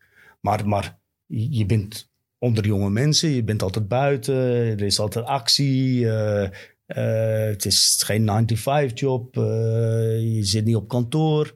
Dus dat is ook wel allemaal leuk. Maar je hebt al twintig keer in je carrière een telefoontje gehad, Dennis, kom eens naar kantoor, dat jij wist hoe laat het was. Dat lijkt mij ook wel deprimerend. Ja, ja. Dat je daar dan Eh, zit en dat je weet, ja, je gaat me weer ontslaan. Ja, dat klopt. En dan Ja, word ik nog boos ook. Hè? Dan Ja. ruzie maken. ja. Nee. dat lijkt me toch nee, niet fijn. nee, hangt er vanaf. eh, Ja, ik zou ja, denken ik, ben, ik ben natuurlijk het laatste, laten we het zo zeggen, in de latere stage van mijn carrière hadden we dan het, het, het, het Leuven-verhaal, dat eigenlijk best wel goed ging. En ik, een leuke club, eh, ambitie eh, met dat King Power-verhaal. Ja, en dan pakken ze Nigel Pearson terug, om, omdat ze daar nog ja, eh, mee naar, de Premier League zijn gegaan. En dan mocht ik daar blijven als assistent. Nou, dat soort dingen, dat pikt wel. Dat ik Ja. zeg van, ja, de resultaten zijn goed. En dan, dan moet je een stap opzij zetten. Hier kan je wel iets van maken. Dan ga je naar Roeselare. Ja, je, je herkent die club niet meer. Dat is een, dat is, je hebt er zo lang gezeten. En je herkent die club niet meer in, in, in Chinese handen. Iedereen doet daar maar wat. Eh, ik weet niet wat voor, wat voor visie die mannen daar hadden. Je wordt dan ontslagen. ehm, omdat, eh, omdat je geen Chinezen wil opstellen, bij wijze van spreken. Ja, Nou, dat doet dat Leuven-verhaal, dat doet wel zeer. Maar dat Roeselaar-verhaal, dat, dat interesseert je dan niet. Want eigenlijk ben je blij dat je er vanaf bent. Dan ga je dan naar Mechelen. Ja, dan maak je daar weer wat heel anders mee. Ja, dan denk je bij je eigen van, oké, eh, is dat terecht, is dat niet terecht? Je gaat je vragen stellen. En dan drie maanden later, als die bom ontploft van properande, dan zeg je, ja, eigenlijk ben ik wel blij dat ik wel weg ben. Dus, dus elk ontslag verteer je op een andere manier. En natuurlijk, eh, een lichaam zet zich naar de gebreken of naar de omstandigheden waarin het functioneert. Ja, als je twintig keer ontslagen wordt, ja, dan kan je wel tegen een stootje bij wijze Ja, dat spreken. snap ik. Maar ik ben geen twintig keer ontslagen, maar nee, nee. dan kan je wel tegen een 19. stootje. Dus, dus je kan je erop voorbereiden, mentaal. eh, en elk excuus is goed om ontslagen te worden. Resultaten, net wat ik al zei, people managing, uh, old school, noem maar op allemaal. Dus je moet dat, en je kan er wel tegen ingaan en zeggen, ja, maar dat is wel helemaal niet waar, want hey, data, dat, bla, bla, bla. Het helpt toch niet, je bent ontslagen. Uh, was, uw, was uw aanpak overal dezelfde? Als je ergens Nee. aankwam? nee. Dat is niet, ik heb de Dennis van Wijk, way to go. Nee.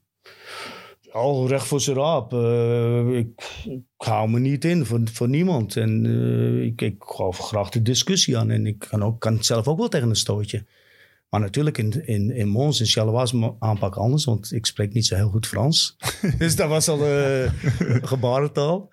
Eh, en toch met beide ploegen kunnen promoveren. ja. Dat had ik willen zien. Dat was, eh, dat was de- wat de gazetten schreven of wat de mensen zeiden. Ik verstond er helemaal niks van. Dat is wel een voordeel Ideaal. misschien ook. Ja. Ideaal. Twee goede voorzitters toen op dat moment. Abbas, die sprak Engels tegen me. En Leona, crème van een vent. Echt fantastische voorzitter. In Wallonië krijg je dan ook nog het respect. Hè? Als het een beetje goed gaat, dan krijg je echt heel veel respect. En ik vond het heerlijk daar. Ik, ik heb er echt genoten van die, van jaren dat ik daar de trainer was. Ehm, maar elke ploeg dan ga je toch een beetje nuanceren in je, in je aanpak. Hè? Je de, met de jaren gaan ook de ruwe kantjes ervan af. Je, je, je, Ja? misschien niet van binnen, maar naar de buitenkant wel. Eh, maar je filosofie blijft hetzelfde. Ik, ik, ik, ik, laat het zo zeggen dat ehm, gewoon correct werken, je best doen. En, en, en, en, en, en niet de kantjes er vanaf lopen of uh, chipoteren of, of zo achter het baks en alles. Eh, Maar ja, we hebben bijvoorbeeld Sergio McDonald hier gehad, eh Leandro Trossard hier gehad. Die zeiden wel, met Dennis, het was echt zwart of wit. Als we het niet eens waren, dan had je een probleem.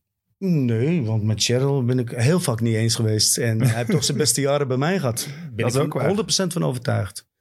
Eh, ik heb hem dan, we hebben hem gehaald van West Bromwich. Eh, fantastisch gespeeld bij ons. Eh, In Roeselare. Ja. Dan bij Westerlo hebben we hem nog een keer gehaald. En dat was het ook heel erg goed. En daardoor heb je twee keer een hele mooie transfer kunnen maken. Naar Beerschot onder andere. Maar is dat niet dat, dat, dat conflictmodel? Er zit er wel dat een stukje wel conflict opzoekt? Maar dat is niet het conflictmodel opzoeken. Dat is misschien ook een stukje afkomst. Eh Cheryl kon daar niet zo goed tegen. Al komt hij van dezelfde streek, dezelfde buurt waar ik vandaan kom. Dus, dus dat heeft ook met mentaliteit te maken. Dus jullie staan dan op training te roepen tegen elkaar en dan Nee, hoop jij dat hij zondag scherper is. Nee, dat niet. Dat, Nee. je moet dat niet zo zien. Maar er- als hij eh, dingen niet doet wat ik, wat ik goed vind, dan zeg ik het wel. En, en, en Leandro was nog heel erg jong toen hij bij ons kwam. Ehm, en die deed fantastisch goed. Hè? En, op een gegeven moment raakte hij een beetje geblesseerd. Maar we hebben natuurlijk die ambitie om, om te promoveren. Dan hebben we koffie gehaald. En dat je McDonald's koffie. Je had eerst McDonald's Trossard. Ja, ja, dat is met je vingers vanaf te likken. Hè? Zo mooi voetbal. En als je dan niet speelt, ja, Leandro, ja, die werd dan een beetje pissig met mij. En zei, ja, want hij dacht dat hij verdiende om te spelen. En dan speel je kampioen. Ja, maar je hebt wel drie spitsen nodig. Hè? En, en ik denk dat dat ook een stukje venijnigheid heeft gekweekt bij Leandro. Hij is dan naar Vreven gegaan. Ook niet de gemakkelijkste. Eh, nee, Hè? Vreven zei daar wel hetzelfde over als jij nu, maar hij was dan wel weer wat ouder en Ja, waarschijnlijk ook beter. ja, dus, ja. ja. En, en ik denk dat die passages bij mij en bij, bij Vreven en toch wel heel belangrijk zijn geweest voor zijn, voor zijn karakter. Hè, want dat was toch een, een weke jongen. En, en nu, wat hij allemaal presteert, jongen, hey, chapeau. En, en Ja, ja. Cheryl, ja oké. Eh, met Cheryl, vond het erg dat je deze zomer op, op sporten tijdens de EK-dingen bad boy hebt genoemd. Dat is waar, ja. Hij was er boos over, hè? Ja, ja, hij vindt dat niet, niet terecht. Nee, En ik, ik ken hem nu ondertussen een klein beetje. Ik vind dat ook wel geen bad boy. Het is een, hij wil een bad boy zijn, maar hij is wel te braaf van binnen. Speelvogel misschien wel, maar... ja, ja. ja. Maar bad boy. Hij heeft me toen ook meteen een bericht gestuurd. Ja, ja, Ja, ja, dat heb ja. gezegd. Eh, ik zei dat jij ik ook de bad boy van de trainers was. En ik zei tegen hem, reageerde je maar zo, zo snel als je speler was bij mij. Dan ging het een stuk beter geweest zijn. Nee, maar ja, dat, dat, dat is een beetje... Je moet van elkaar dingen kunnen verdragen. En ik ben soms wel wat cru. Maar ik kan ook wel dingen verdragen van andere mensen. En als Cheryl het niet eens is met mij... en hij zegt wat dingen... Dan, dan ga ik erover nadenken. En als hij gelijk heeft... Ja, dan, dan ben ik de eerste die gaat zeggen... van, ja, eigenlijk heb je wel gelijk. En, en in, in Nederland is dat ook een heel stuk laten we zo zeggen, in Nederland is daar een, een interactie tussen de spelers. Hè? Eh, we hadden dan bijvoorbeeld Willem ja, II, ja. El Amdoui. Ja, Ja. hey, topspeler hè. Maar als die niet akkoord was met jou, dan ging je het wel zeggen. Hè? Nou, dan ging je erover discussiëren, ging je dan over nadenken. Dat heb je dan liever. Eh, Maar natuurlijk. Maar zo is zijn Ajax-carrière wel verpest geweest. Hè? Ja, maar in Vlaanderen zijn er toch Maar nog ja, heel maar veel... El Amdoui is Ajax carrière. Het is, wat, het is een Rotterdammer, hè. Het is een 0 010, hè. Ja. En Ja. Ajax is 020. hè. Kijk, ja, ja, wat maar ja, hij heeft er wel gespeeld. En op de, ik denk dat het laatste jaar Ja, bij de beker heeft moeten... ja, maar, En dat ze hem er niet uithalen, terwijl die was toen zeker nog goed genoeg om mee te doen. Hè? ja, dat is niet de gemakkelijkste van de bende. Eh, nee, maar ja, dus Je- moet je, je moet je moet- niet een beetje, Je moet een beetje flexibel beetje zijn. meer geven naar, naar zo'n speciale voetballer? Ja, maar bij Ajax niet, hè, want je hebt er eh 15 van zulke spelers. Ja, maar dat was wel met Frank de Boer. Ik herinner me dat echt het saaie Ajax was dat wel. Maar jij weet Ja. toch ook dat je, als je nu een heel goede speler hebt, maar die is wel ambetant of die loopt op training de kantjes eraf, maar je hebt die in het weekend nodig, dan ga je die toch zachter aanpakken. Als je daar tegen gaat roepen, ben je die Ja, kwijt. Je niet moet hem op een, of andere manier kunnen prikkelen. Hè? Eh, ik denk dat bijvoorbeeld... Ik weet het niet, hè, maar ik denk dat Peter Maas heel veel moeite had met de trainingsarbeid van Holshouser. Denk ik. Bijvoorbeeld, ja, dat kan. En dan moet je dan op een of andere manier kunnen filteren dat je dan toch hem meer laat trainen of harder laat trainen. Zodoende dat hij fitter is en beter gaat spelen. Maar niet op zijn tenen trapt. En dat is natuurlijk als trainer zijn een, een, een, een, een hele slappe koord. Hè, McDonald's is mijn beste speler.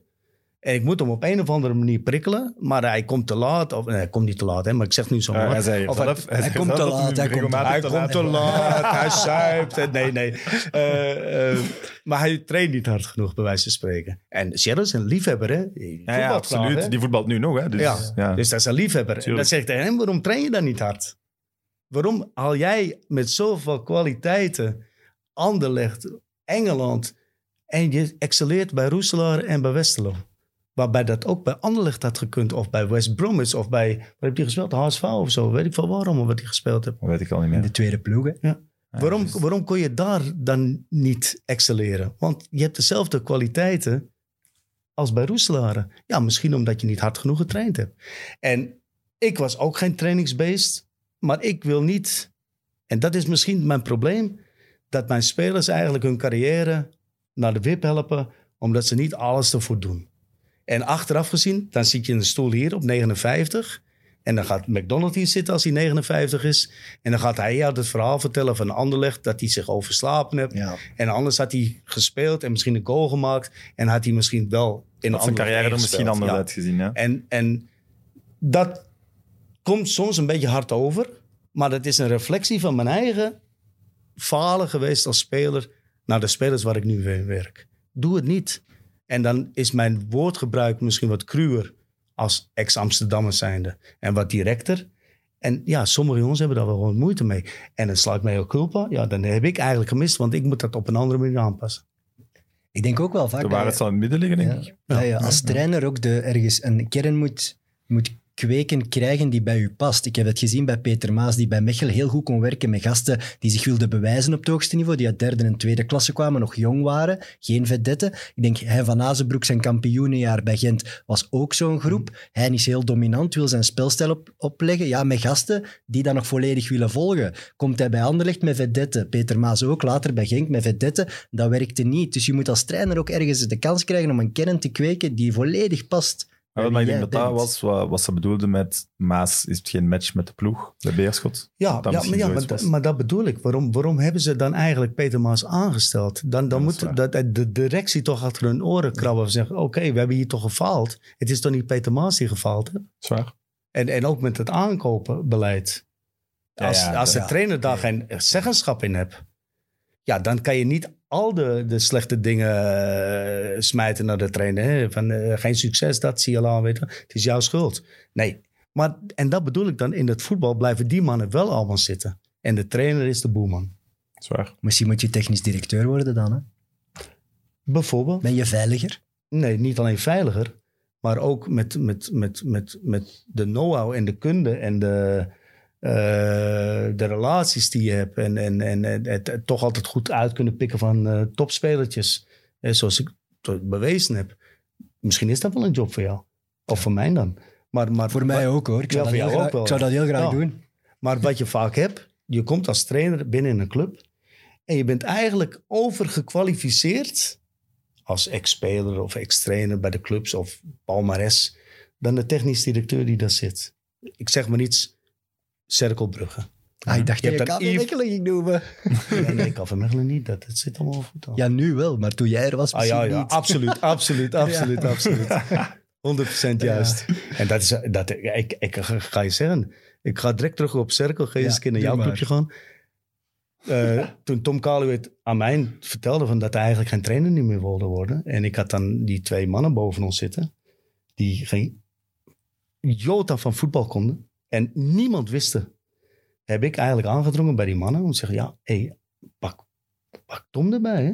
Ja. Pak Kalu eentje erbij, hè? En gelukkig dat ze dat gedaan hebben. En dan had ik natuurlijk ook een klankbord. Kon ik over voetbal praten met, met, met, met, met, met, met, met Kaluwe. In plaats dat ik dan over voetbal moest praten met die mannen.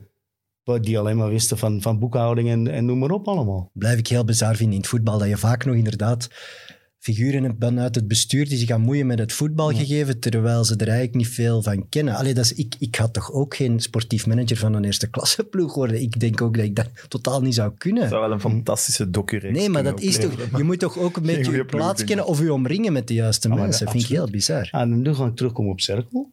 Dus je hebt dan Ivan der Hagen, ex-international. Toch mooi palmares als trainer. Hè, gerespecteerd iemand. En die moet dan werken met een technisch directeur die uit Mexico komt. De, de, de, de, het voetbal niet kent hier. Eh, niet het niveau. Hè, want meestal die mannen onderschatten dan het niveau van België. Halen wat spelers. Ja, oké. En wie gaat, wie gaat de schuld krijgen van de slechte resultaten? De trainer, hè? Ah, Sowieso. dat zijn we. Ja. Maar dat krijg je nu meer en meer. Want jij bent bij de laatste keer bij Oostende ingestapt op een moment dat je wist dat die club eh, ging verkocht worden. Dus je stapt in in een club waarvan je morgen niet meer weet wie de baas van jou gaat zijn. Dat vind ik Ja. wel gevaarlijk, dat weet je toch? Ik heb daarin serieus gemist. Want ik had eigenlijk voor mezelf al uitgemaakt van... Oké, naar de Mechelen verhaal. Oeh, is dat nog wel iets van mijn trainer? Ik weet het niet of ik dat nog wil. En eh, zit ik eigenlijk goed bij Telenet of bij de VRT als analist. Dat eigenlijk ook een hele mooie, makkelijke, toffe ook job is. bij verdiend. Ja, Nee, leuk. dat, dat je blijft met voetbal bezig. Ehm, Je moet toch eten? Ja, maar daarom kom ik hier voor uh, dat broodje op tijd. Ehm, en ik heb me laten ompraten. je kent de club. Het is niet ver van je huis. Eh, leuke, Leuke toffe club, club. ja. Ja. toffe, gezellige club. En dan kom je daar en je tekent dat contract en je gaat dan op trainingskamp en na één dag zeg je, oeh, ik heb gemist. Dit is fout. En dan heb ik nog heel veel steun gehad van de technisch directeur, van Kie Giesel. Maar die voorzitter, hallo, wat was dat man? Ja? En dan denk ik bij mij, man. Was dat Dierkens toen? Ja. Van Diaz, ja. ja. En dan, Oei, Ons Play Sportsuur zit erop. Dus ik moet dat even onderbreken. We moeten even afscheid nemen van de tv-kijkers. Dus als je het een leuk gesprek vindt, kunt verder kijken op de YouTube-pagina van Play Sports en verder luisteren naar de podcastkanaal van Friends of Sports. Waarom doe je mij lachen? Niks. Goed, tot volgende week. Nee, eigenlijk niet tot volgende week. En stemmen, hè. Wacht, hè. is er volgende week een aflevering? Ik ben naar Portugal. Nee, misschien niet. Misschien tot volgende week. Bye. Goed, voilà. Dus, waarom, waarom doet iedereen mij lachen vandaag? Waar zaten we? Oostende. Oostende. ja. Dus, en dan, dan zeg je bij je eigen, en dat, en dat blijkt dan ook zo, hè. Want, ja, je, het is, eh, ze smijten je buiten, om, voor geen reden eigenlijk. Want die vier puntjes die ik gehaald heb, het waren wel magere vier puntjes. Ja. Hmm. Maar ja, hey, die vier puntjes hebben wel gezorgd dat Dirkens zijn club kon verkopen als eerste klasse. Hè? ja, ja. En hem extra geld op kunnen opleveren. hè. Tuurlijk. Dat is waar. En dan word jij dan behandeld als eigenlijk stuk vuil. Ze willen je dan nog beschadigen. En dan lopen daar mannen rond. hè. Oké, eh, we hebben die documentaire gezien. Eh, toffe documentaire. Kustboys. En dan loopt daar iemand rond daar als COO of CFO of CEO of weet ik veel Alles wat. denk ik dat hij daar nu is. Ja, ik denk het ook. En die beschadigt iedereen. Die, die heeft voor niemand geen respect. Die, die zaagt iedereen af. Die, die, die kwetst iedereen. Die denkt dat dat platform daar is. Niet om zijn club eh, een goede reputatie te geven. Nee, om iedereen gewoon maar af te maken. Bedoelt bedoelt u nu die Torsten? Ja. Een volksfiguur. Ja, volksfiguur, maar rekker. Die de scheidsrechter droge broodjes wou geven. Ja, nou oké. En die krijgt dan een platform om zijn vulgaire parley... Het is goede tv. Ja, maar, ja, maar het is goede tv, maar werk daar maar een keer samen mee. Ja. Als professioneel. Als professioneel trainer. Dat had je moeten inzien dan. Ja, maar die was er toen nog ja, niet. daar- Maar hij liep daar wel al rond. Maar, maar ik wil maar zeggen, dat, dat, dat, dat, Dat frustreert u. Maar Dat absoluut. frustreert u enorm, ja.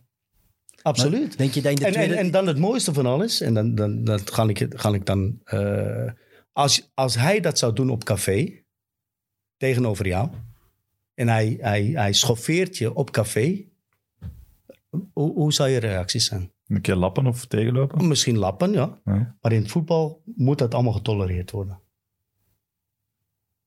Ja, Ja. zwaar. Ja, voetbal, voetbal is de meest volkse sport. En ik denk dat je in de tweede tabelhelft van, van een kleinere competitie, die de Belgische toch wel is, ja, dat, dat is folklore, dat is volks. Daar komen figuren rond en bij.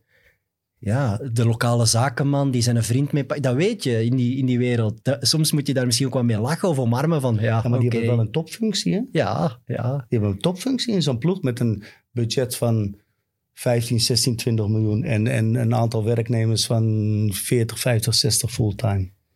ja. Dus ja. Ja, maar ja, allee, Oostende, Roeselare, dat weet dat zijn Ja, niet de oké, allergrootste Oké, clubs. oké, maar het, het geeft je toch niet... het- voor mij is het nu ook heel makkelijk om dit te roepen, hè? Ja, ik vind het niet platform zo daarvoor. gemakkelijk, want Maar toch wel een paar ik clubs vind toch wel dat je... beledigd. Dat je dat, dat je dat niet doet. Ik vind dat je dat niet doet. Nee. Het is, het is het makkelijkste wat er is.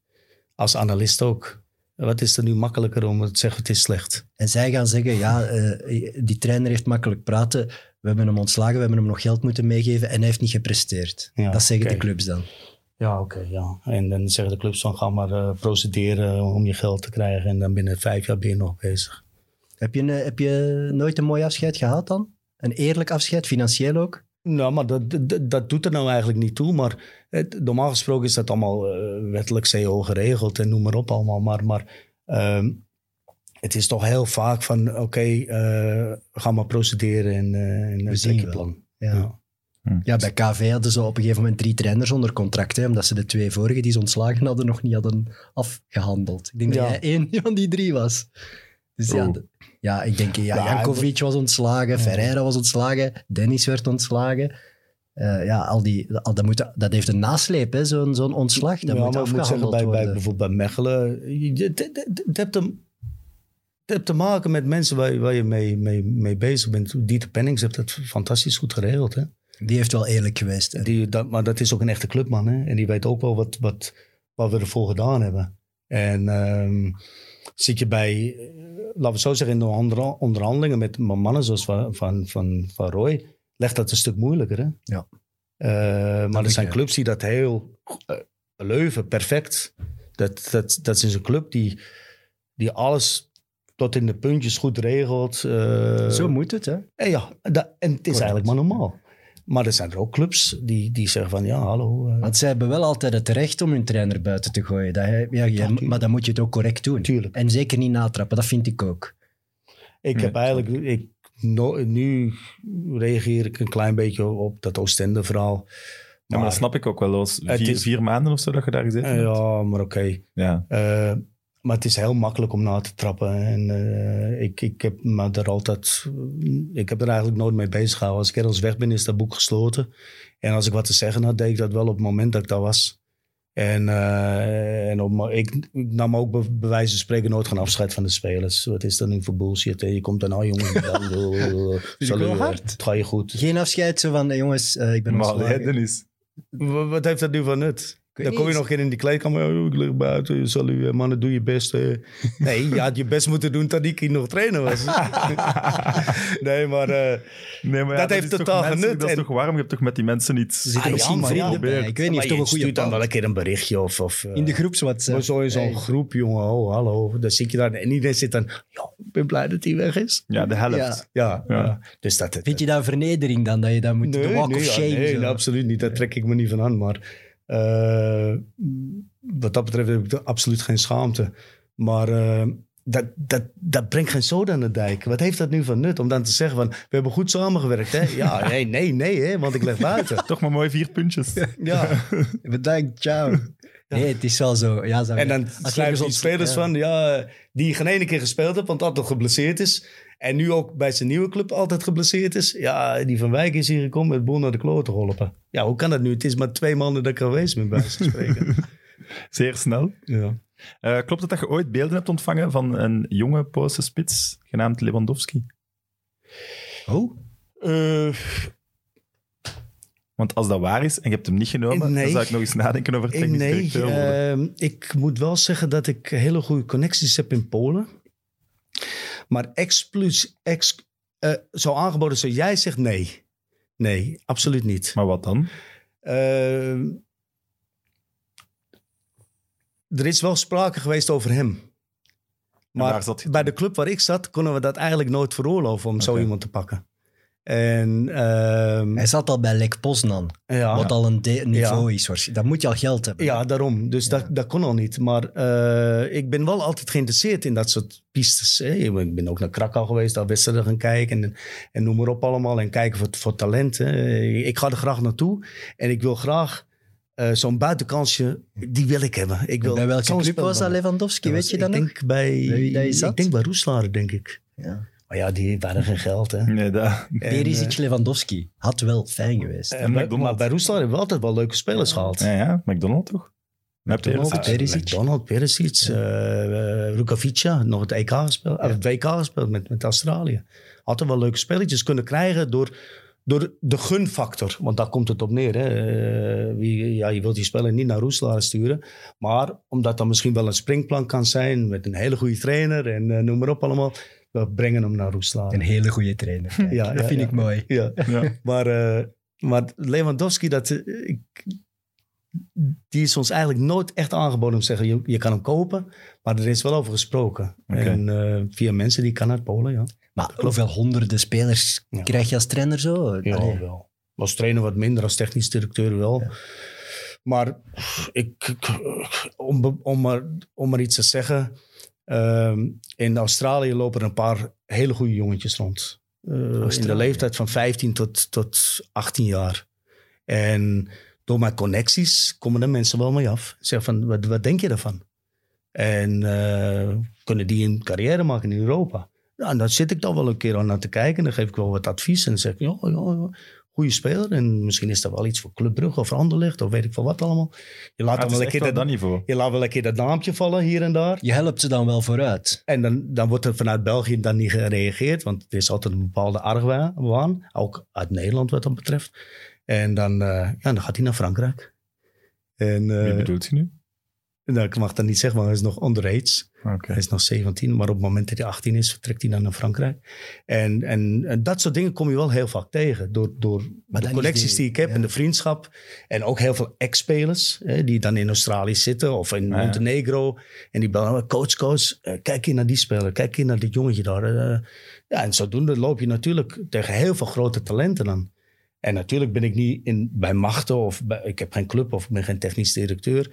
Ja, en dan, vraag je wel eens een keer aan iemand van... eh, en, het mooiste van alles, hè, al die jaren geleden zoek je dan een jeugdcoördinator. Ik ben dan een trainer. Je brengt een voorstel. Die jongen wordt jeugdcoördinator. Die zit er in al die jaren nog. Jij hebt hem geholpen in die job. En dan bel je hem op. Mag die speler dan een keer komen testen voor jou? Kijken wat het niveau is en eh, het goed is? Ah, nee, dat doen we niet. Dus ik wil maar zeggen, er is altijd dat een doet bepaald... pijn. Dat doet pijn bij u. Dat doet geen pijn, maar dat is eh, niet voor mij wat. Maar voor die jongen vind ik dat wel jammer. Die jongen kan dan een keer komen om te tonen hoe goed hij is. En stel je voor dat hij dan heel goed is, dan heeft die, die club de eerste keuze. Ook om- geholpen, om ja, te tuurlijk. halen. En dan, dan stoot je toch altijd tegen die, eh, eh, hoe moet ik dat zeggen? Eh, dat afgeschermde. Maar ja, je, hebt de, je hebt de stormachtige ontwikkeling van Bandé meegemaakt. Dat zijn van die gelukstreffers. Als je als club daar niet voor openstelt, Absoluut. dan vind je zo iemand niet. En die hebben ze verkocht voor veel geld. Dus ja. Nou, 8 miljoen. denk ik. Ja. ik heb Bandé twee maanden geleden gezien. Ik was in Pula. In Kroatië. Ja, En ik heb hem gebeld. Ik zei, wat ben je aan het doen? Uh, Aan het voetballen. Nee, op mijn appartement. Ik zeg, kom je af voor een koffie? Eh, thee dan, hij. En hij is gekomen en eh, we hebben een beetje zitten babbelen. Cool. En eh, die jongen zit daar, dus ja, die maakt een toptransfer naar Ajax. En ook een hele goede speler. Hè? Ja, en was een een goeie. super jongen, echt een hele vriendelijke jongen. En met hem heb ik ook maar- geclashed ja. hè, toen in de tijd. En die zit daar helemaal alleen bij Istra, onderkant bodem Kroatische competitie. Ja. Helemaal alleen in zijn appartementje. 10 miljoen Niemand euro spreekt de taal. Ja.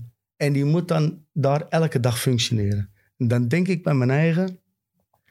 Ajax, zoveel geld gegeven. Die stallen hem bij Istra. De makelaar die dat geregeld heeft waarschijnlijk...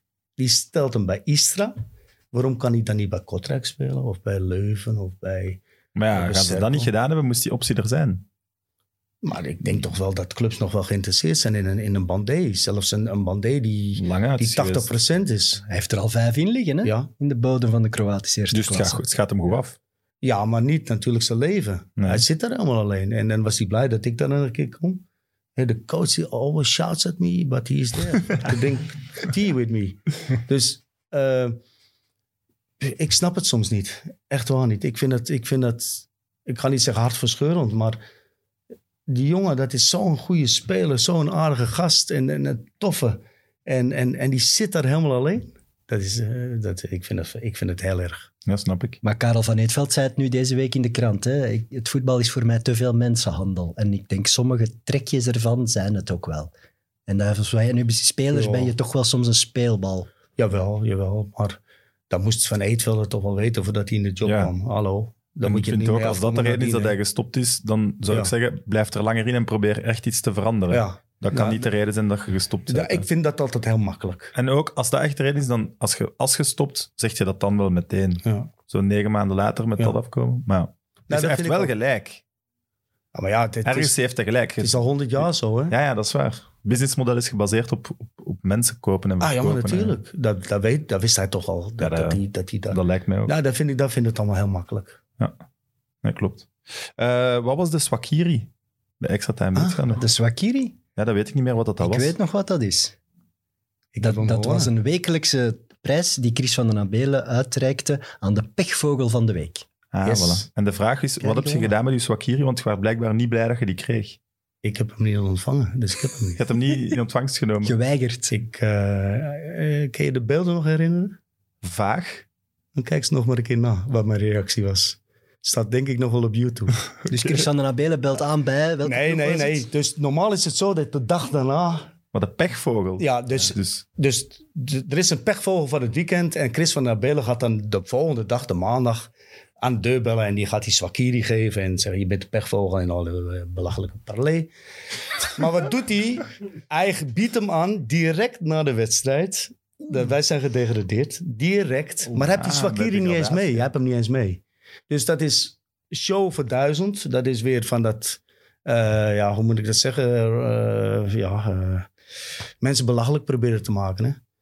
Entertainment, En maar... entertainment met een- met op- een, ja, ten koste van mensen. Ja. Ja. Dus nou, dat was hij natuurlijk verkeerd om hem aan mij te bieden. En ik had een klein futje en ik was een beetje nerveus. En ehm, die beelden moeten we wel echt op. eh, dan moet je maar een keer kijken, want ik denk dat... eh, ja, ik, Wat heb je gedaan? het is dat de mensen daar om me heen stonden. Ik heb me daar nog een beetje ingehouden. Ik ben dan naar mijn kleedkamer gegaan. Ik heb eh, me tot mijn positief gekomen. Ik ben naar weer naar buiten gegaan. En toen kwam hij nog een keer dat aanbieden aan mij. En toen was ik wel wat rustiger, moet ik zeggen. En eh, dan heb ik hem geantwoord dat ik dat niet, dat het meerdere en grotere pechvogels zijn dan ik. Eh, mensen die in het ziekenhuis liggen of weet ik veel wat allemaal. En dat ik hem niet wil hebben. En eh, nou oké, hij heeft zijn tv-beelden kunnen maken. En dat was eh, prachtig. En dat was weer eh, top. Eh, kijkcijfers maxi. en wat wil het dan zijn? Ja, Chris van den Beel heeft een burn-out. Ja. Ja, Allee, die heeft dat gehad, ja. ja. En waar was die supporter van Antwerpen? Antwerpen. En wie was de trainer van Antwerpen? Van Wijk. en dan krijg je een radio-interview om Chris van der Belen op te beuren. Om hem uit die black eye- eh, burn-out te krijgen. Ze belde jou live. op. Ja, een of andere journalist. Eh, En met Chris van der Belen. Om Ah, hem een oké. beetje op te peppen. Om hem uit die burn-out te krijgen. Ja? Ja, en dan was het natuurlijk ik weer een klein beetje nerveus wordende. Van, ja, godverdomme, die flikker, die hebben Maar was ja, een keer met die Swakiri. en dan zeg ja, ik van, ja, Die, die, die heeft dat kan wel eens een keer het lot van God zijn, hè, man. Jij altijd mensen proberen te schofferen en zot te maken. En dan, raak je in een burn-out. Christian Rabele is echt wel een geweldige mens, maar dat, dat item was, was raar. Ja, Laat het mij zo ik zeggen. heb hem dat ook eh, live op de radio uitgelegd. Dat ik daar niet eigenlijk... En dat, dat ik hoop Maar dat dus het die bellen nu live om hem op te bellen? Nee, er was, de, ja, er was een journalist die daar bij Doen ze in. Antwerpen een beetje over voetbal babbelen, om hem een beetje op te beuren. Ik Hij is immens precies- grote fan van Antwerpen. Ja. Ja, ja, dat weet ik. En oké, een beetje praten over Den Antwerpen en, en noem maar op allemaal. Maar ja, ik zat natuurlijk met een ander issue in mijn hoofd. Niet om hem op te beuren, maar om hem toch even te vertellen van... Oké, hallo, nu heb jij hulp nodig. Maar toen had ik hulp nodig. Nu zit jij in de put, maar toen zat ik in de put. En, en dat soort dingen doe je niet.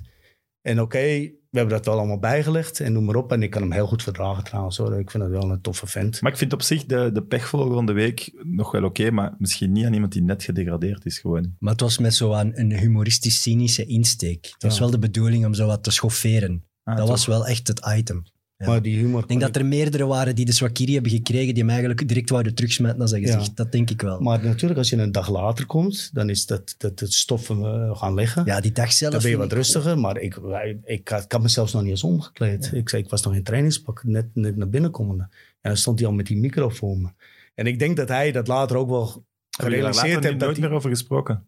oh, ik ben hem nog pakjes tegengekomen. Hè? En dan hebben we gezegd van oké, eh, na het radio-interview zelfs nog. En eh, oké, no hard feelings. Ja, hij doet zijn job ten koste van mij. Wij waren in de radio, ik wilde me gelijk halen. Dan heb ik dan eigenlijk zeggen van ja, oké, eh, we staan nu 1-1.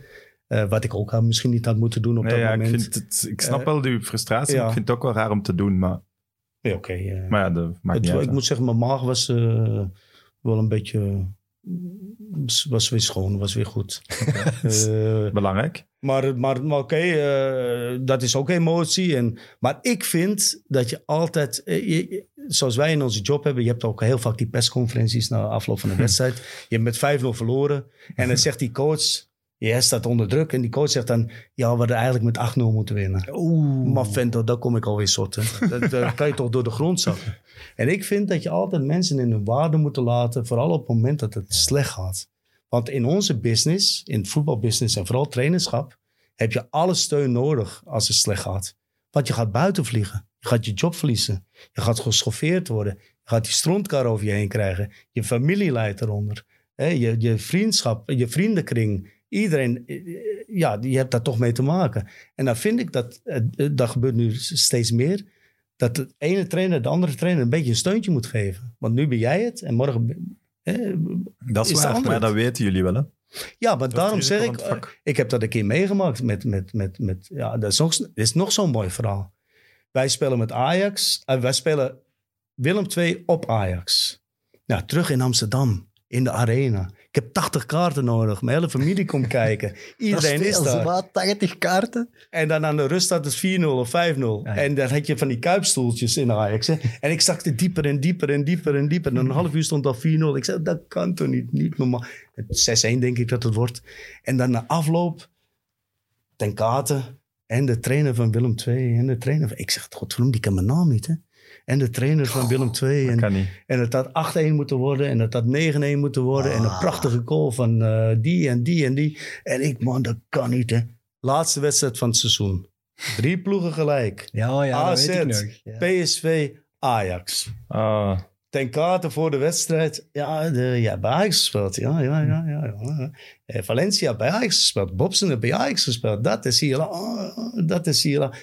Ik in de kleedkamer. Over my fucking dead body dat Ajax hier kampioen gespeeld. Ik ben van Ajax. Ik ben van Amsterdam. Mijn hele familie, mijn vriendenkring zijn supporters van Ajax. 2-0. Ajax één goal tekort. Ik denk dat ze er 130 gemaakt hadden dit jaar. Eén goal tekort. ja, PSV-kampioen. Kan- PSV en kampioen. weet je wie PSV Ja. in de spits liep? Dat was het pijnlijkste voor Ajax, man. Hè? Daar ben ik nu mis. Kan ook mis zijn Kluivert. Ja, Ja, dat dat kan kan wel. wel. Maar Die scoort er vier of vijf dat jaar voor PSV. Hm, dat kan. Daar worden ze kampioen. Maar ik wil maar zeggen dat in het voetbal kom je elkaar altijd, maar dan ook altijd, maar dan ook altijd tegen in goede en soms in slechte omstandigheden. En Die En- Tenkate, die zou dat nu niet opnieuw doen, had hij dat geweten. Nee, maar dat, dat niet alleen. Maar, maar, maar ik wil maar zeggen dat je mensen in een... In een eh, je moet respect tonen. waar- vooral op het moment dat het Ja, slecht gaat met iemand in het voetbal. Omdat het morgen met jou kan gebeuren. En, en, en, en, en dat gaat heel rap in het voetbal. hè. je bent nu gevierd. Eh, ik, ik speel bij Club Brugge. Ik ga een mooie transfer maken en ik breek mijn been. Ik ben twee jaar moet ik revalideren. Ik kom niet meer terug. Hoe is dat Ik- gebeurd? Op een wedstrijd? Of? Ja, een wedstrijd, ja. ja. Oké. En dan moet je trainer worden op je 31ste. Ja, hey, zo'n klote job, man. Je kan dan beter vijf, zes jaar voetballen blijven. Maar ja, en dan zat je in de, in de omstandigheden. Voor het arrest Bosman. Met de CEO van de voetballers die eigenlijk niks voorstelden. Dan kregen een, een, een verplicht contract te tekenen van 35.000 Belgische frank per maand. En ja, dan moet je gaan werken, hè. Ja. Dan moet je gaan werken. Zwaar? En dan ben ik, eh, heb ik dan dat café overgepakt. Eh, ja, en dan is je carrière naar de vaantjes. Dus dat bedoel ik. Je moet, je moet je- de momenten dat het goed gaat, moet je koesteren. En als de mensen rond je heen zijn in het voetbal waar het minder mee gaat, ja, je moet, eh, ja, je moet daar. Niet scoren op hun kap, zeg. Dat vind ik van wel, ja. Ja. En soms is dat, ja, gebeurt dat wel een keertje. Misschien dat, eh, En komt dat ook misschien verkeerd over? Soms is dat Ja, misschien was het niet altijd de bedoeling, hè? Om je te schofferen, heeft die, die trainer daar niet bij stilgestaan, maar ja. Ja, oké, maar, maar, maar trainers zijn grote ego's. Hè? Die denken alleen maar aan hunzelf en aan hun ploegje. En dan, dan oké, eh, vanuit een standpunt dat ze het niet realiseren, kan dat wel gebeuren. Maar ik probeer me dat toch wel altijd in zo'n persconferentie. Ik heb ook heel vaak verloren, ik heb ook wel een keer gewonnen. Dan toch respect te tonen voor de collega. Om, om, om ja, oké. Ja, ik zag het nu bij Dury en Van den Brom. Hè. Ik vond dat wel Ja. mooi van Van den Ja. Brom, die zelf de laatste week onder druk stond. Die wint nu zwaar van Dury, maar steunt ook wel Dury van jongens, vergeet niet dat hij hier tien jaar lang Ah, iets waanzinnigs heeft neergezet. Ja, absoluut vond wel schoon. Ja, Dat, en, en zo hoort het ook. Ja. Zo hoort dat ook. En, en je komt niet met elke trainer goed overeen. En bij de ene lukt dat wel. En eh, met, met Frankie heb ik ook wel een keer eh, een bonje gehad. en eh, meer, meer wel dan niet. Maar, maar je, je bent collega's en je moet respect voor elkaar tonen. En vooral naar de buitenwereld toe. Ik heb een vraag van Levi. Wat vond je van uw paar maanden op het kiel? Ik vond dat een mooie ervaring. Dat was. De supporters waren, waren echt top in die maanden. We hebben ook wat, eh, wat stress gehad toen. Hè, veldbestorming toen. eh, Juist. eh, Dat kan dus- ik me niet meer herinneren. daar kwam een supporter omdat we hebben toen niet gewonnen. We hebben, en die kwam dan ja, naar mijn richting op. En ik zeg, godverdomme, shit. Hij komt dichter. De keeperstrainer zei, hey, hij komt voor jou. Hey, ik heb zo'n dikke vest aan. Die dikke vest meteen af. Dus ik stond eigenlijk klaar. Ik zei, hey, die gaat hier komen. Ik, ga mijn kaas moeten geven. Dat kan niet anders. En dan vlak voor me wordt hij dan gepakt. En die jongens dan komen de volgende dag op training. Dus excuus aanbieden.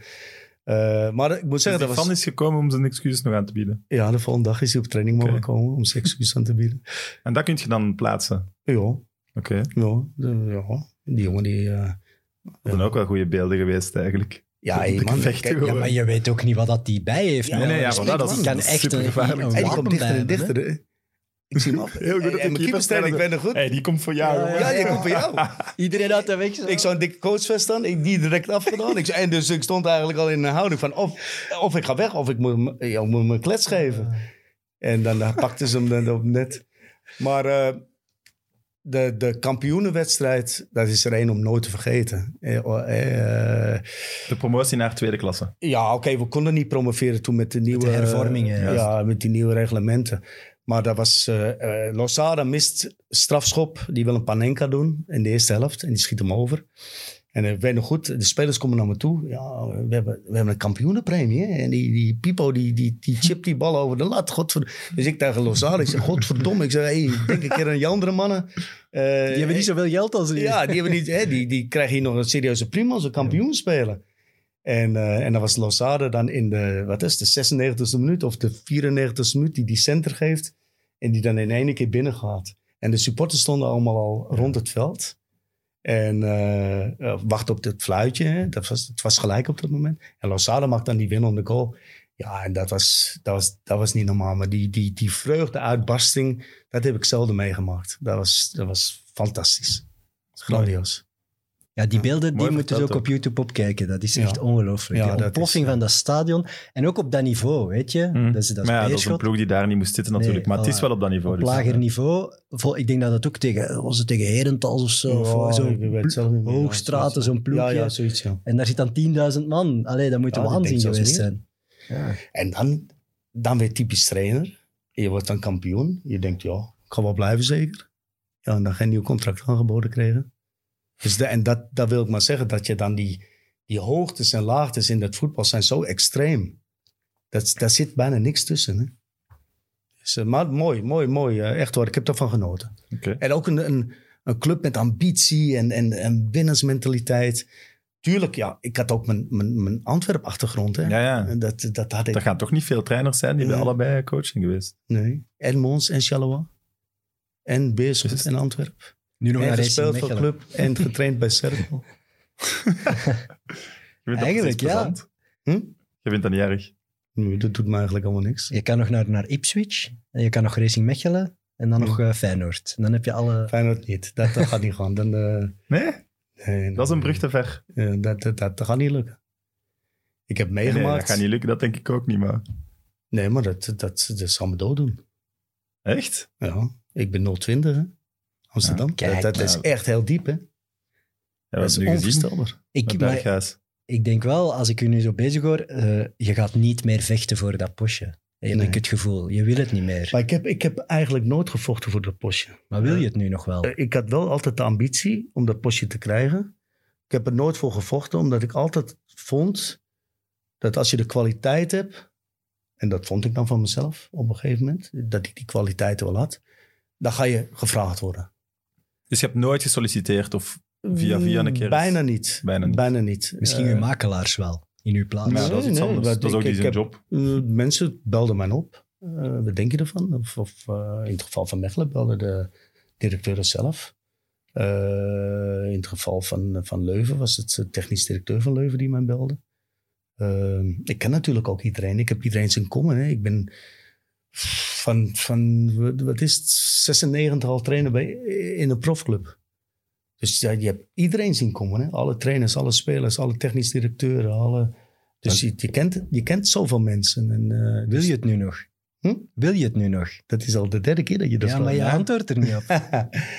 Eh, Technisch directeur als er iets wel. komt dat je zegt van oké, ik kan dat niet laten leggen, dan wil ik het wel doen. Maar ik denk niet meer dat ik eh, nu naar Beerschot zou gaan. Eh, misschien wel eens tussenpauze. Dat zeg van oké, ik zeg maar iets, Maas wordt ontslagen. Eh, ik ken de club. Ik weet de mentaliteit. Ik ga daar een maand of twee blijven. Dat hun tijd genoeg hebben om een echte trainer voor jaren te kiezen. Dat zou ik misschien nog doen. Maar niet om weer te vechten om ze erin te halen. Of, of, of cirkel of serijn wat dat betreft.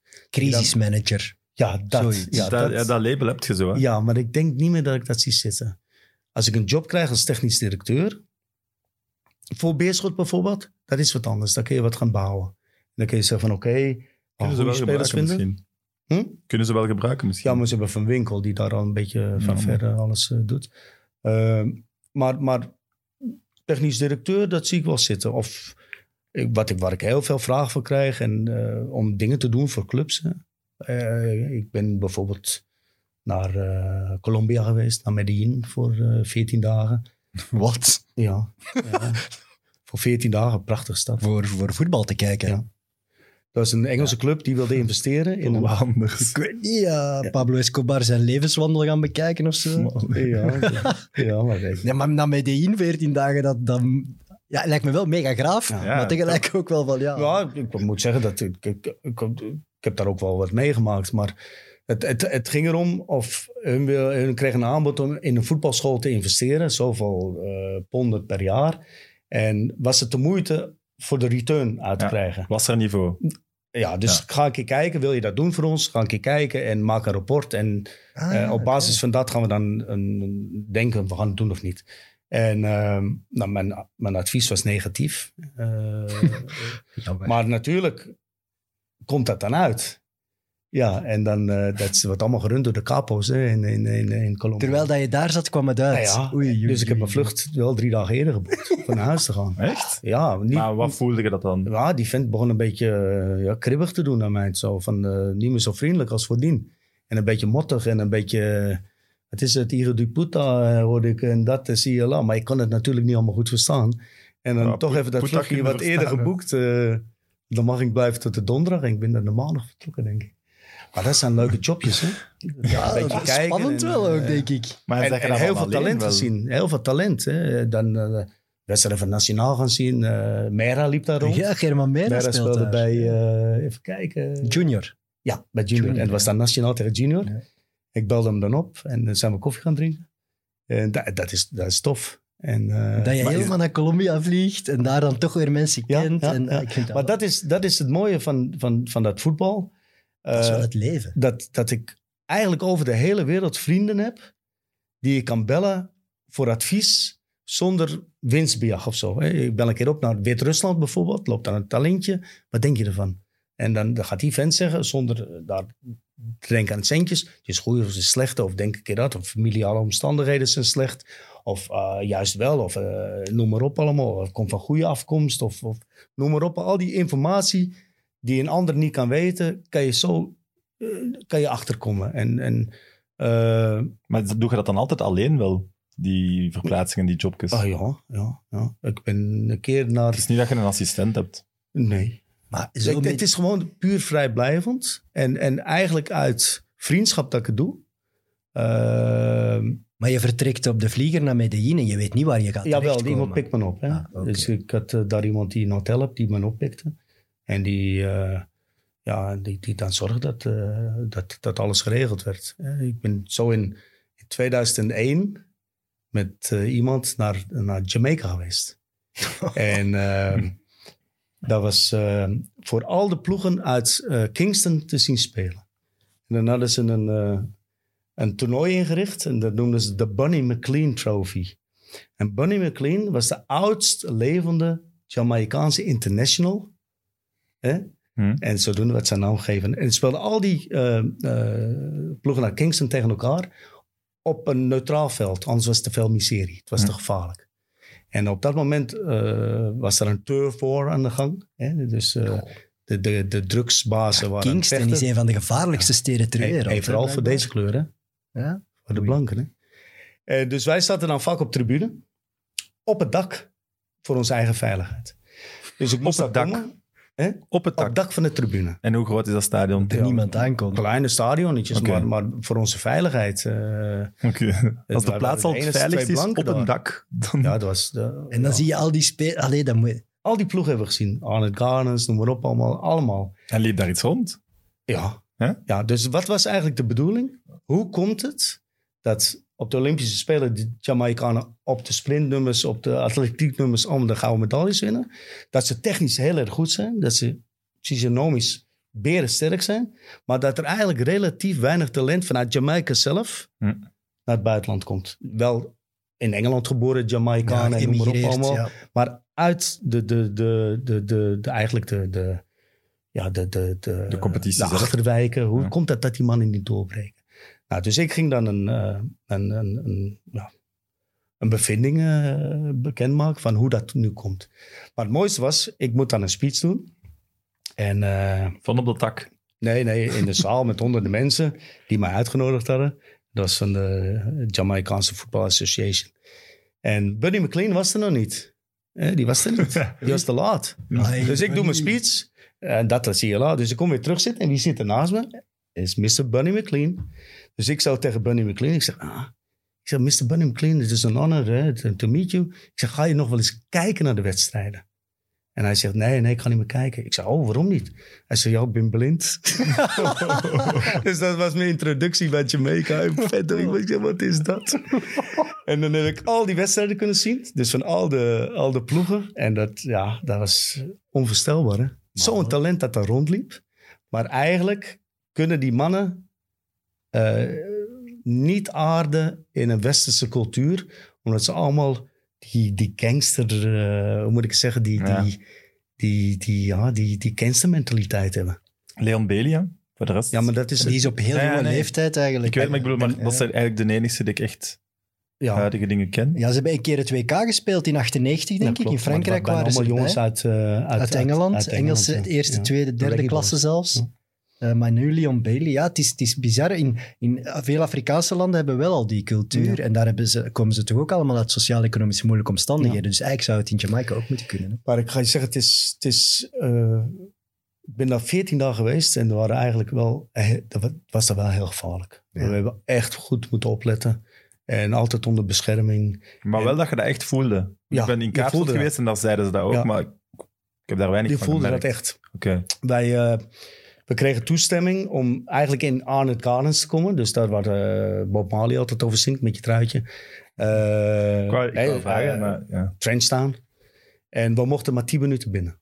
Dus we mochten 10 minuten binnen, omdat er, het was te gevaarlijk. Ze konden niet instaan van onze veiligheid. Dat er drive-by shootings waren en noem maar op allemaal. En, maar massas, massas, massas talent. Echt waar, dat meen ik echt.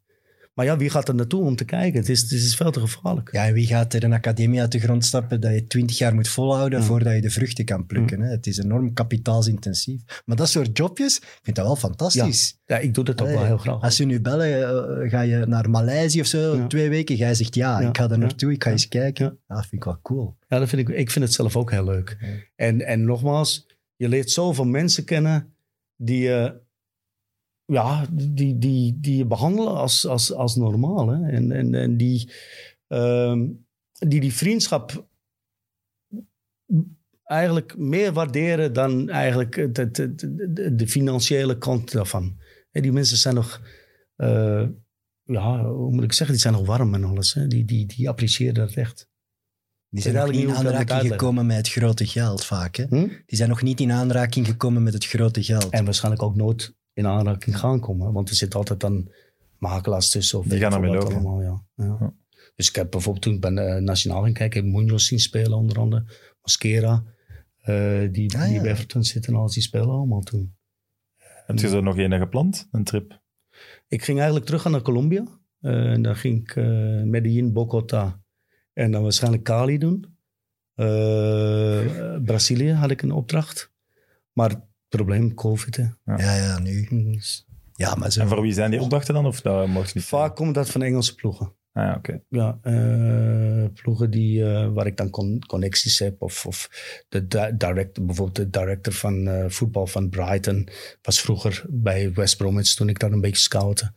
En dus je je houdt wel een beetje contacten en, en dan ja, krijg je wel eens een keer een telefoontje. Wat, wat ben je aan het doen? Wat ben je aan het doen?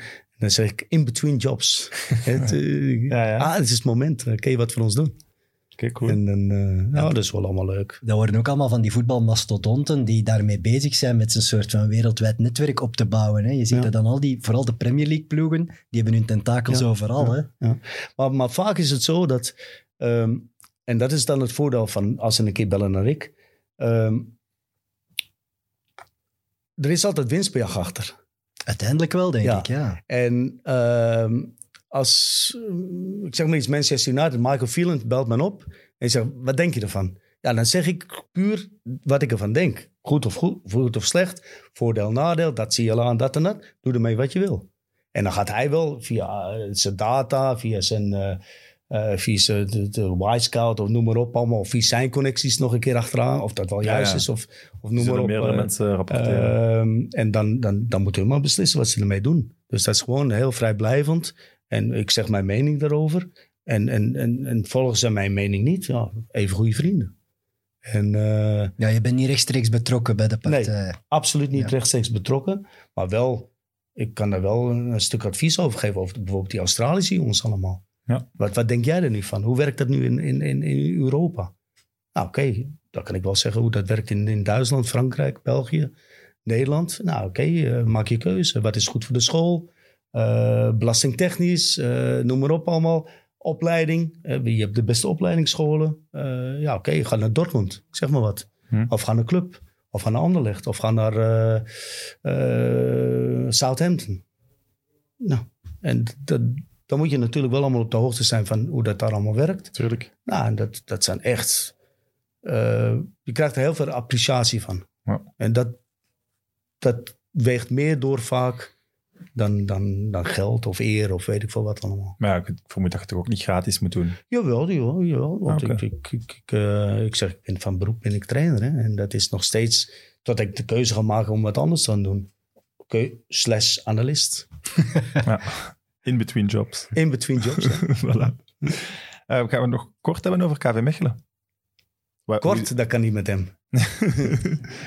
Hoe, is het daar misgelopen eigenlijk? Nee, maar wat ik... Allee, ja, oké, hij kwam op een moment dat het eigenlijk eh, al... Allee, hij, moest, hij moest ons redden in een... Ik denk dat het zelfs nog maar acht wedstrijden waren, denk ik, zoiets. En ik denk dat ze bij KV Mechelen heel enthousiast waren over wat hij daar deed. Er was terug enthousiasme. We Ja. hebben ook wel wedstrijden gewonnen. Maar wat er zich achter de schermen afspeelde, dat vraag ik mij eerlijk af. Jij was T1. Ja, wat heb jij daarvan gemerkt, gevoeld? Wist jij van iets? Van, Ja, want ik denk dat je misschien de enigste trainer bent wiens match omgekocht was, maar niet gewonnen hebt. We hebben wel We gewoon. hebben wel gewonnen van Beveren, Niet genoeg. maar niet genoeg goals. Dus jij wil- wil het eigenlijk hebben over dat propaganda Ja, ding. jij was toch T1 in die periode van dat Velkovic daar wel niet rondliep en dat er zo gezegd, allee, dat er eh, door het BAS bevestigd is dat er een wedstrijd omkopingspoging is geweest tegen Beveren. Jij was T1, heb je daar Ja. iets van gemerkt in die Maar toen, kleedkamer? toen de bom ontplofte, waart je wel al weg. Hè? Ja, was Ja, ja, die ontplofte maanden Dus, later. ja, maanden later. Ja. ja. Het, het gekke van alles. ehm, dus de, de eerste wedstrijd dat ik moest doen was op een vrijdagavond was tegen Moes Kroen. Die verloren we. En toen heb ik op de persconferentie gezegd: Ik ben niet bezorgd over mijn eigen ploeg. Ik heb heel veel vertrouwen in, in de spelers van KV Mechelen. Ik, ik denk dat we het gaan redden. En dan hadden we Anderlecht op verplaatsing, Gent op verplaatsing, eh Standaard op verplaatsing. Maar een heel moeilijk programma. Maar er was nog, algemeen was er nog wel redelijk veel geloof dat het nog wel ging Ja. kunnen goed komen. Hè? Jawel. Ja. Eh, maar ik, ik, ik, ik, ik zei dat ook op de persconferentie. Maar ik zei erbij, ik vrees Ja. voor de laatste wedstrijd Eupen Moeskroen. En dat was tegen Moeskroen. Die mensen waren er heel, eh, heel boos over eigenlijk. Begrijpelijk, En, denk en ik, als ja, je dat duidelijk, zegt. ja, absoluut. absoluut. Ja, oké, ja. Ik ben dan Zwaar, aan het kruis genageld geweest. Ja, de maandagavond daarna. Op extra time. Op extra time. Ja. Om te zeggen van, ja, wat zegt hij nu eigenlijk? Dat doe je toch niet? Dat is, eh, wat, wat, wat, wat heeft hij in zijn hoofd? Wat, wat zegt hij nu? Oké, het gaat door. Ja, wij gaan dan Anderlecht 2-2, ja, dat kunnen we winnen.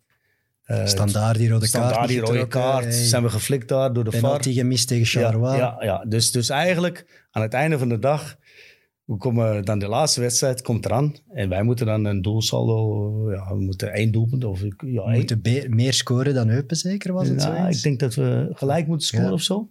Gelijk aantal doelpunten. Ja, dat dat was ook. Of één meer. Of ik, eh, We scoorden- Eupen moest inhalen, dacht ik. ja. We scoorden er twee vrij snel. Ja. En bij Eupen was het nog altijd 0-0. hè. Ja. En dan ineens scoren ze er vier op 15 minuten Ja, in Eupen ja, moest ja. Kroen. ja, En is dat juist. is... En dan, en, en, en, maar ik ga direct terugkomen met jouw vraag. En dan, wat gebeurt er dan? Die wedstrijd ja, eh, begint door te sijpelen wat er gebeurt in Eupen. En dan dezelfde mensen die mij naar de kruis hebben gehaald, zijn dan de eerste om te zeggen: van, Ja, hé, hé, maar je had het toch voorspeld? Ja, ja, ik had het voorspeld. Niet nogmaals glazen bol, maar ik, ja, dat, dat lag een vinger dik op, hè, dat zoiets kon Het gebeuren. was het jaar daarvoor, denk ik, met Wagel ook zo Kortrijk, heel raar. Kortrijk moest. Kortrijk Die ook. rare match van Kortrijk. Ja. Ja? Dus ja, oké. Maar oké, dat, dat terzijde. Ja, daar kunnen ook dingen gebeuren natuurlijk. Ja, Maar, en dat- is dat nu waar, is dat nu niet waar? Oké, maar ik, ik had er al een raar gevoel over. Dat komt dan uit en dan heb je nog een raar gevoel erover. Nou, en wat blijkt dan drie maanden later? Dat die match waar ik dan aan de kant stond, dat daar een poging was van omkoping. Het enige wat ik daarvan gemerkt is, dat iedereen daar redelijk nerveus liep. Ja, dat, dat denk ik En dan ook. niet zozeer de trainers, want wij hadden heel veel vertrouwen. We speelden echt goed. We speelden echt goed. Dus over mijn eigen ploeg had ik 0,0 stress. Ik had echt een goed gevoel dat we tegen Basland Beveren gingen winnen. Dus dat, ging, dat was helemaal niet mijn probleem. Maar blijkbaar boven wel. Maar, maar je hebt al vaker tegen degradatie moeten spelen, al even trainen. Maar ik had Was dit bestuur dan nog nerveuzer dan de andere besturen? Nee, maar dit bestuur liep elke dag daar rond. En bij andere besturen zie je dat nooit. Je ziet niemand. En dan, eh, als ik, als ik bij, bij, bij Leuven, daar zie je niemand van het bestuur. Heel zo nu en dan komt Wim eh, de Korte als technisch directeur komt binnen. Een beetje babbelen. Maar daar liep, daar, elke dag liepen die mannen daar rond. Hm. En eh, ja, die liepen heel nerveus. En, en ja, die kwamen er wel een keer binnen. Coach, coach, coach. En dat zie je wel. De enige naam die werd vernoemd, en ik heb dat ook gemeld aan de Belgische Voetbalbond, is Delvière. Delvière is geblesseerd. Ik was nog niet mee in het verhaal. Delvière kan ons niet fluiten. Dus dat, dat was een Oh, beetje een Delvière. verspreking eigenlijk. Hè? Was eigenlijk een beetje een verspreking. Ik, ik, ik was, eh, ja, en toen leerde ik van bepaalde trainers die aan mijn tafel zaten, die ook Velkovic als makelaar hadden, dat er een, een, een band was tussen Velkovic en Dalvière. Maar ik dacht niet verder. Dus dat is het enige. Ik heb dat ook gemeld aan de voetbalbond, dat dat werd geroemd. Maar voor de rest heb ik daar eigenlijk helemaal niks mee gemerkt. En ook het feit dat eh, er waren telefoontaps. Mhm. Dus die mannen van het bestuur van, van Mechelen, die werden afgetapt, blijkbaar. Ja, die belden mij vijf, zes, zeven keer per dag. Dus daar werd eigenlijk nooit over iets gesproken, nooit over iets geïnsinueerd of, of noem maar op allemaal. Eh, Maar dat zegt wel veel over de stress. Als u vijf, zes keer per dag zitten te bellen in die week en ze lopen de deur binnen en buiten in de kleedkamer, ah ja, natuurlijk. Dat, dan zijn ze er wel heel hard mee bezig. Maar had die dat storen. Mechelen niet net een jaar ervoor gekocht of zo? zo nee, in die winter. Of in die Ja, winter. die zelfs. winter, Ja. Ja, ja, ja. En met veel ambitie. En die hebben natuurlijk ook die ambitie voor het stadion te renoveren. En eh, ja, ik moet zeggen, die mannen hadden hele goede ideeën. Hè? Hele goede ideeën. En, en eh, vanuit de business eh, view, eh, ja, dat was, dat was eigenlijk best wel goed. En dat waren capabele mensen. Dat waren, dat waren geen dommerikken. Hè? Alleen, blijkbaar dachten hun met geld alles te kunnen kopen. En, en met macht alles te kunnen regelen. Ja, zo werkt dat niet. En, Zet jij dan daar ooit verhoord over geweest? ik ben wel bij de voetbalbond geweest. En mijn verhaal vertelt, ja, hetzelfde wat ik nu bij jullie vertel. Eh, Dat ik eigenlijk... En bij, eh, bij de onderzoeksrechter in Hasselt heb ik eigenlijk nooit moeten komen. En mijn naam werd natuurlijk in die debatten wel heel veel vernoemd. Omdat, ja, die, die belde mij veel. En eh, dus ja, Maar Velkovic is daar nooit langs geweest in die week Ik- gezegd, ik heb jongens, dat komt hier Trouwens. Velkovic in mijn hele trainerscarrière nooit gezien, nooit ontmoet. Ja. Hij heeft me een ene keer gebeld toen ik trainer was bij Westerlo voor een speler. En ik heb gezegd dat hij naar uh, Wijnands moet bellen. En dat was de baas. Dus die liep daar niet rond in die Nee, week. ik heb die nooit gezien. Of hij daar rondliep, dat weet ik niet. Maar ik heb hem nooit gezien. En, en laten we het zo zeggen, wij probeerden natuurlijk die ploeg ook af te schermen. Eh vooral die, al die stressmomenten. Want eh, ja, dat, dat, dat- ja eh, stond veel op het spel natuurlijk. En, het, en, en ik, ik, ik weet het nog goed. Toen dan die, die persconferentie kwam. Ik was thuis. En dat ging over omkoping. En ik dacht duizend procent zeker, ja, Eupen moest groen. Ja. En toen was het Mechelen-Waasland. Ik viel van mijn stoel. Ik kon het niet geloven. Ik zei, oh, hoe is dat in godsnaam mogelijk?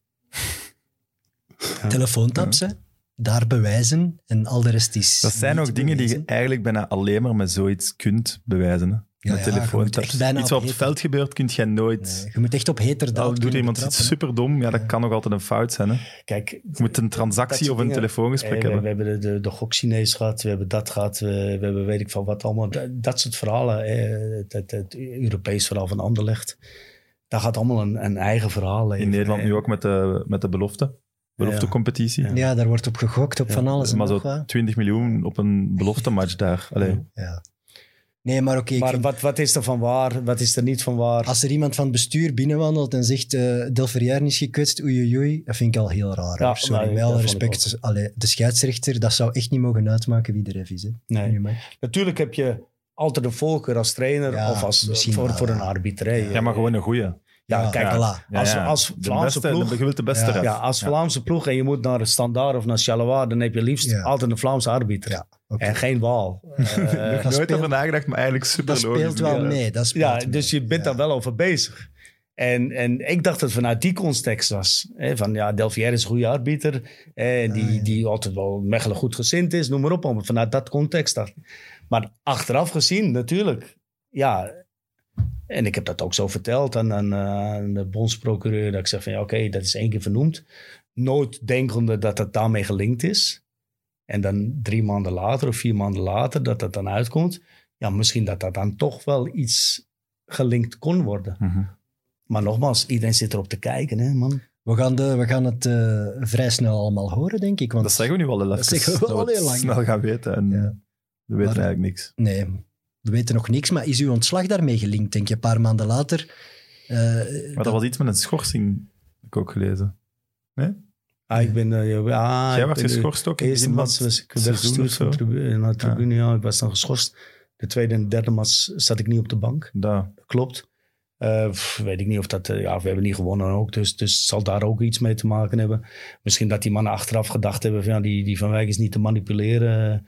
Eh, die, die moeten we weg hebben. Dat kan ook, hè. ik weet het niet. Hè. Je kan er allerlei theorieën... dat kunnen wij natuurlijk niet zeggen. Dat. Nee, en, eh, de- maar ik weet dat zelf ook niet. En eh, ik, ik ben dan ontslagen door, door die twee mannen, die eh Somers van, van Roy. En die kwamen dan met een, met een, met een lulverhaal af. En eh, ja, je moet het dan accepteren. En eh, eh, oké, achteraf gezien, oké. met Frank hebben ze een goede keuze gemaakt hè, als opvolger. Dat wel, ja. De staf is gebleven, Frank is bijgekomen. Ja, kijk in naar zijn palmares. die hebben het fantastisch goed gedaan.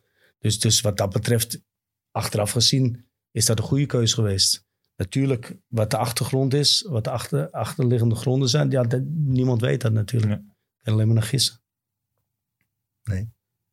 Heb je nog wel. iets? Ben je nu content dat we het over Mechelen hebben gehad? Ja, ik... Ja, de- Ik wil alleen nog weten, tenzij je iets wilt. Nee, dat is gewoon... Ja, ik ben echt een, een diehard fan. Die periode frustreert mij gewoon. Omdat ik denk, spelers en fans, dat blijft zo'n periode die we niet kunnen vatten. We gaan daar nooit... Zelfs met het proces, denk ik, gaan we nooit echt... Die mensen gaan nooit met de waarheid naar ons komen, denk ik. Snap je? Die zouden... De Somers, Van Ja. Al die mensen zouden ten- eh, een soort van ethische, mentale eh, plicht moeten hebben om aan de fans en zo eens te komen uitleggen wat het echt is en niks achterhouden. En dan kunnen we met een clean slate beginnen, maar dat is utopisch denken, denk ik. Ja, maar, maar jullie hebben natuurlijk wel al een historie van al dat soort zaken. En eh, want ik weet nog goed dat ik ben, ik ben twee keer eerder benaderd door Mechelen. En er was de ene keer dat ze in derde zaten. En eh, toen ben ik niet weggegaan van Roeslaar. Ik lag nog onder contract. En toen is Peter Maas trainer geworden. Dus Peter, ja, eigenlijk krijg ik nog geld van Peter. Ik heb nog heel veel aan met? En een keer dat Adam Mos de scepter zwaaide daar. Oei, dat, was, was- met Willy van de Wijngaard nog. Ja, en dan ben ik daar geweest eh, op kantoor met Aad, die ik dan nog kon van Ajax ook. Ja, die, die zat daar op dat bureau en dan alles uit te leggen. En, eh, en toen heb ik vriendelijk bedankt om het niet te doen. Dat goed is, anders dat- moest hij nog geld tegen- hebben. Toen zijn ze failliet gegaan. Ja, anders had hij nog altijd geld gemoeten. Ja. Maar dat wil ik. De mensen die dan eh, de kans krijgen om zo'n club te leiden, in handen te krijgen, want dat is eigenlijk een gunst, vind ik nog altijd. Een voetbalclub is voor mij een maatschappelijk verhaal. Je staat op een belangrijke functie, dan moet je nu ook gewoon eerlijk durven zijn. En die mensen schermen zich nu af met advocaten en je, dit en, je hoort en ziet die mensen nooit niet meer. Dat frustreert mij. Dat gaat ook Kom zo gewoon. zijn. Maar ja, maar Je hebt een verplichting ten opzichte van de fans. Denk je Maar dat Van Olsbeek dat ooit gaat doen? Ja. Naar de fans? Hij zou het moeten doen. Ja, maar Ja, gaat maar dat dan- niet doen. de- de- de- de- wat jij nu zegt, eh, dat is bij alle clubs hetzelfde. Hè? Ja. Hm. Er zijn, eh, er zijn weinig, weinig eh, bazen van voetbalclubs op dit moment over de hele wereld die dat doen omdat ze supporter zijn. Ja, Dus het gaat allemaal om, om investeringen en, en eh, investeringsmaatschappijen. Ja, waar- waarom investeren ze? Om return te krijgen. Dus, en sommige ploegen doen dat, of sommige clubs doen dat heel goed, zoals Club Brugge bijvoorbeeld. Sommige clubs doen het heel slecht. Zoals? Hm? 90 miljoen laten vallen? Wie is dat? Nee, ik mag er wel eens mee lachen nu dat KV Mechelen boven Anderlecht staat in het klassement. Hè. Het, is Ja, wel, echt, maar geniet ervan. Hè. Allee, het is wel het moment om er eens mee te lachen. Wat ik me nog wel afvraag, heb je zelf ooit, zet je zelf ooit eh, zoiets voorgesteld gekregen? Nee, maar ik denk dat eh, iedereen ook wel weet eh, wie ze moeten benaderen. Ik denk dat mensen die dingen willen manipuleren, dat die eerst een, een, een, een, een analyse maken van bij wie moet ik nu, bij wie ga ik de meeste kans krijgen om dat, om dat te doen lukken. En eh, met de gokchinees ook. Eh, waarom zijn ze naar Paul Put gegaan? Waarom zijn ze niet naar Dennis de Wijk gegaan of naar eh Frankie Dury of Peter Maas? Waarom bij Paul Put? Zwaar. Dus ik neem aan dat, dat die mannen, die zijn zo... Die Dat zijn criminelen. scouting doen. Die zoeken een kwetsbare- Die zoeken Ja, kwetsbare mensen, Ja, die, die vatbaar zijn voor, voor dat soort dingen. En, en, en, en geloven in, in, in, in, in fabeltjes en in, in lulverhalen en, en noem maar op allemaal. En, en eh, laten we het zo zeggen dat ze gaan ze vinden. Maar ze gaan echt goed moeten zoeken. En ze gaan die, ze gaan die vent ja, eigenlijk ondersteboven keren. Hè? Die, die kan niet meer weg. Nee, nee, nee. En, En, helemaal en, vast. en, en, ja, eh, maar wordt Maas trouwens ook niet genoemd in de propaganda? Ja, dat gaat over Ja, het wel, maar dat gaat over hè. iets anders, Ja. dat gaat ah, dus- over- ja. Dat gaat over het uitbetalen van salaris, Ja. in, in, ofwel in factuurvorm ofwel in zwart geld. Ja. Daar, gaat, daar gaan heel veel voetbalploegen met een probleem Ja. zitten, hè? dat weten we. Daar gaan we het niet over hebben. Dat komt nog wel eens. Ja, witte bodemcriminaliteit. hè. Eh, ding ook, hè. Leko ook. Een beetje Ja, dat soort zwart geld. hè. We weten allemaal in België dat we een probleem hebben met zwart geld. Hè. Dus in voetballerij zeker ook zo. Daar gaan we niet flauw over doen. Hè. Ja, zwaar. Maar ja, we hebben hier in België een systeem dat we al onze straffen kunnen afkopen. Dus, eh, Ja, daar zijn al heel veel mensen mee bezig, Ja. heb ik gehoord. ja. Dus dat dan ook weer. Dus maak je geen illusies. Eh, De, je hebt het- de romantiek uit ons gezogen. De Wij stoppen. op de hoogte bent. Wacht eens tot je De award. award winnen. En dan Ik ga straks YouTube Norwich tegen Millwall League Cup Final opzetten om die romantiek... is niet Millwall. Sunderland. Sun- Sunderland, om heel die, die romantiek terug te winnen. Ja, ja, echt doe dat. Nog eens zo'n ouderwetse Engelse doe, match. het, doe het samen. En dan met Dan die... kan hij ook terug romantisch worden. Oh, ik En- ben nog wel romantisch hoor. Ja, op die juiste momenten. Maar eh, Maar we hebben één ding niet aangeraakt. Maar daar is ook geen tijd meer voor misschien. Maar Los Ja. Amigos. ah, Ik vind dat fantastisch dat hij gewoon stopt en cafébaas wordt. Ik moet binnen 25 minuten vertrekken voor een vlieger te halen, maar dus het kan Nee, maar perfect. dus ik vind Vertel eens, gewoon- Los Amigos. Lo- Ja, hoe dat ik het begrepen is, dat jij samen met, ik denk Mark de Grijze en Kenneth Brille, en jullie samen- Luc Hendricks. samen een café hebben gekocht. Een supporterscafé dan. Ja. En, en recent, of? Nee. In de jaren 90, begin Eh, jaren 90. ik denk dat we hem gekocht hebben in 88. Hoe vaak komt dat voor? Dat zo sterspelers van een topploeg een café kopen. En zes maanden later moeten we allemaal weg bij club. ja, dat Door dat café. Nee, nee, de trainer eh, veranderen. Dus wij, wij, Omdat jullie te veel in we gingen veel op stap eh, en dan zeggen we, ja, hey, we, we- we- ja, we- we gaan overal op café. Waarom beginnen we ons eigen café niet? We zijn dan ons eigen café begonnen met vijf man, 20% ieder. En, eh, en we spelen allemaal nog bij de club. Dus ja, na afloop van die wedstrijden, ja, dat was, dat was feest. Dat was niet normaal. Ja, ja. Wat gebeurt er? Howard gaat weg, Lekens komt. Ja, de Grijs gaat naar Anderlecht. Ik moet weg en Brille moet weg. Dus wij trainen met de B-kern. Ik ben dan nog naar Ajax gegaan. En Brille is dan nog eropgevist. En eh, ja, Lekens moest er allemaal niks van weten. Dus eigenlijk zes maanden later ja, was dat café daar. Wij waren aandeelhouders, maar we waren overal, behalve in Brugge. En dan heb je Luc Hendricks, de oudspeler van Waregem en Club nog en Begent. Die heeft dat eigenlijk eh, allemaal geregeld. En toen ik mijn been brak, vijf jaar later, en ik moest stoppen met voetballen, heb ik eigenlijk een regeling getroffen om eigenlijk al die jongens eruit te kopen of, of schulden verheffen of noem maar op allemaal. Eh, en dan ben ik eh, effectief cafébaas geworden. En dan woon ik boven het café. En dan was ik, ik had nog contract denk ik bij de club zelfs. Ik ben naar knokken gegaan.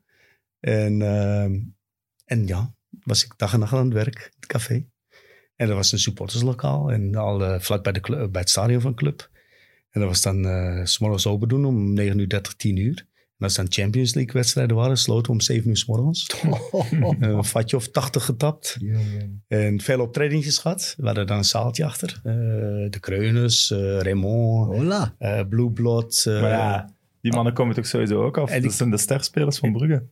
En die mannen kwamen allemaal spelen bij ons. En eh, dat, was, dat was mooie tijden. Maar natuurlijk had ik dat kunnen inruilen om nog bij Club Brugge in de eerste ploeg te spelen. Ja, had ik dat altijd gedaan. En eh, ik heb dat café dan vijf jaar later verkocht. Op het moment dat wij met Oostende in de eerste klasse promoveerden. In, ik denk in 97? ja, 98. 98. ja. 98 denk ik. Ja. Dus tien jaar heb ik... Eh, maar in de tussentijd had ik dan ook nog een frituren. en ik had een golfball recovery service. En ik Wat? had uh, golfball recovery service. Als je een balletje, van ballen. als je Ah, een vangen. golfbal in het water slaat, hoe haal je hem er nu uit? Je Ja, wilt moet Dennis van Wijk. Ja, En dan belde je in naar ons en dan haalden die ballen eruit. heel mooi. En dat, maar dat hebben we niet lang gehad, want dat was veel te arbeidsintensief. De horeca imperium, joh. Ja. Ja, Wat had je liefste gehad? Dat je nu eh, een horeca imperium had gehad? Of dat je nu analist slash trainer slash in-between jobs bent? U, Dit is wel leuker. Ik zeg, die horeca is, is heel zwaar. Hè. Ja. Dat is, dat is eh, dag en nacht werken. En, maar het was wel leuk. Het waren echt mooie tijden. En, eh, maar ja, je hebt ook, je hebt ook veel vechtpartijen dan hè, naar de voetbal. En eh, je, je, je maakt van alles en nog wat mee. En, en Ja, ja, ja. ik sliep dan boven. Dus ja, als er wat was, dan moest ik meteen naar beneden. En, uh, het was, eh, was, goede tijd. waren mooie tijden. Maar ik ben blij dat ze achter de rug zijn. Ja, we zijn begonnen met awards. Misschien moeten we een award in het leven roepen, de Dennis van Wijk Award. Bij welke ploeg waren het gelukkigst? Als trainer. Het gelukkigst. Ik moet zeggen dat ik me eigenlijk overal goed gevoeld heb. Je hebt dus twee uur lang geen enkel cliché-antwoord. Ja, nee, er waren wat clubs waar ik me niet goed voelde. Bijvoorbeeld Deinzen, dat was een slechte keuze. Maar Antwerpen vond ik echt heel tof. Maar Oostende, eerste promotie, dat lijkt Ja. me zo. Jonge gast, eh, ja, sprookje. ja, mooi. Ja. En een leuke ploeg en, en toffe jongens allemaal.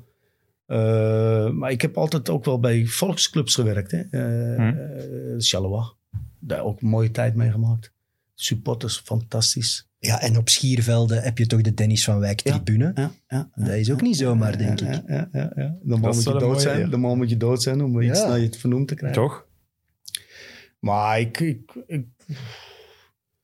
ik, denk er eigenlijk heel weinig bij na. Ik heb overal mooie momenten gehad. Bij Roeslaar natuurlijk, het laatste was dramatisch.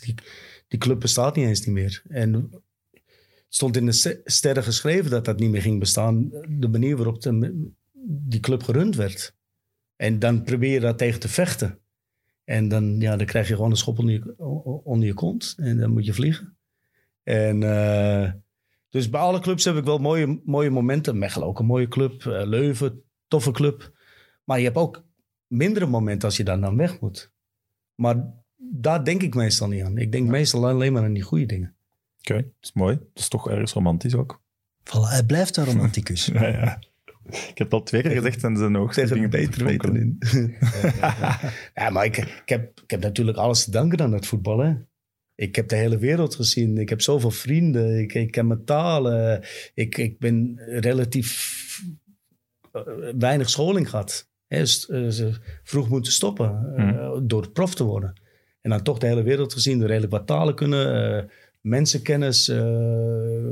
dus eigenlijk 90% wat ik, waar ik over kan spreken. Of, of, of heb meegemaakt. Of, of financieel komt bijna allemaal, allemaal vanuit het voetbal. Dus ik heb daar, eh, ja, ik heb daar veel liefde voor. Heel veel.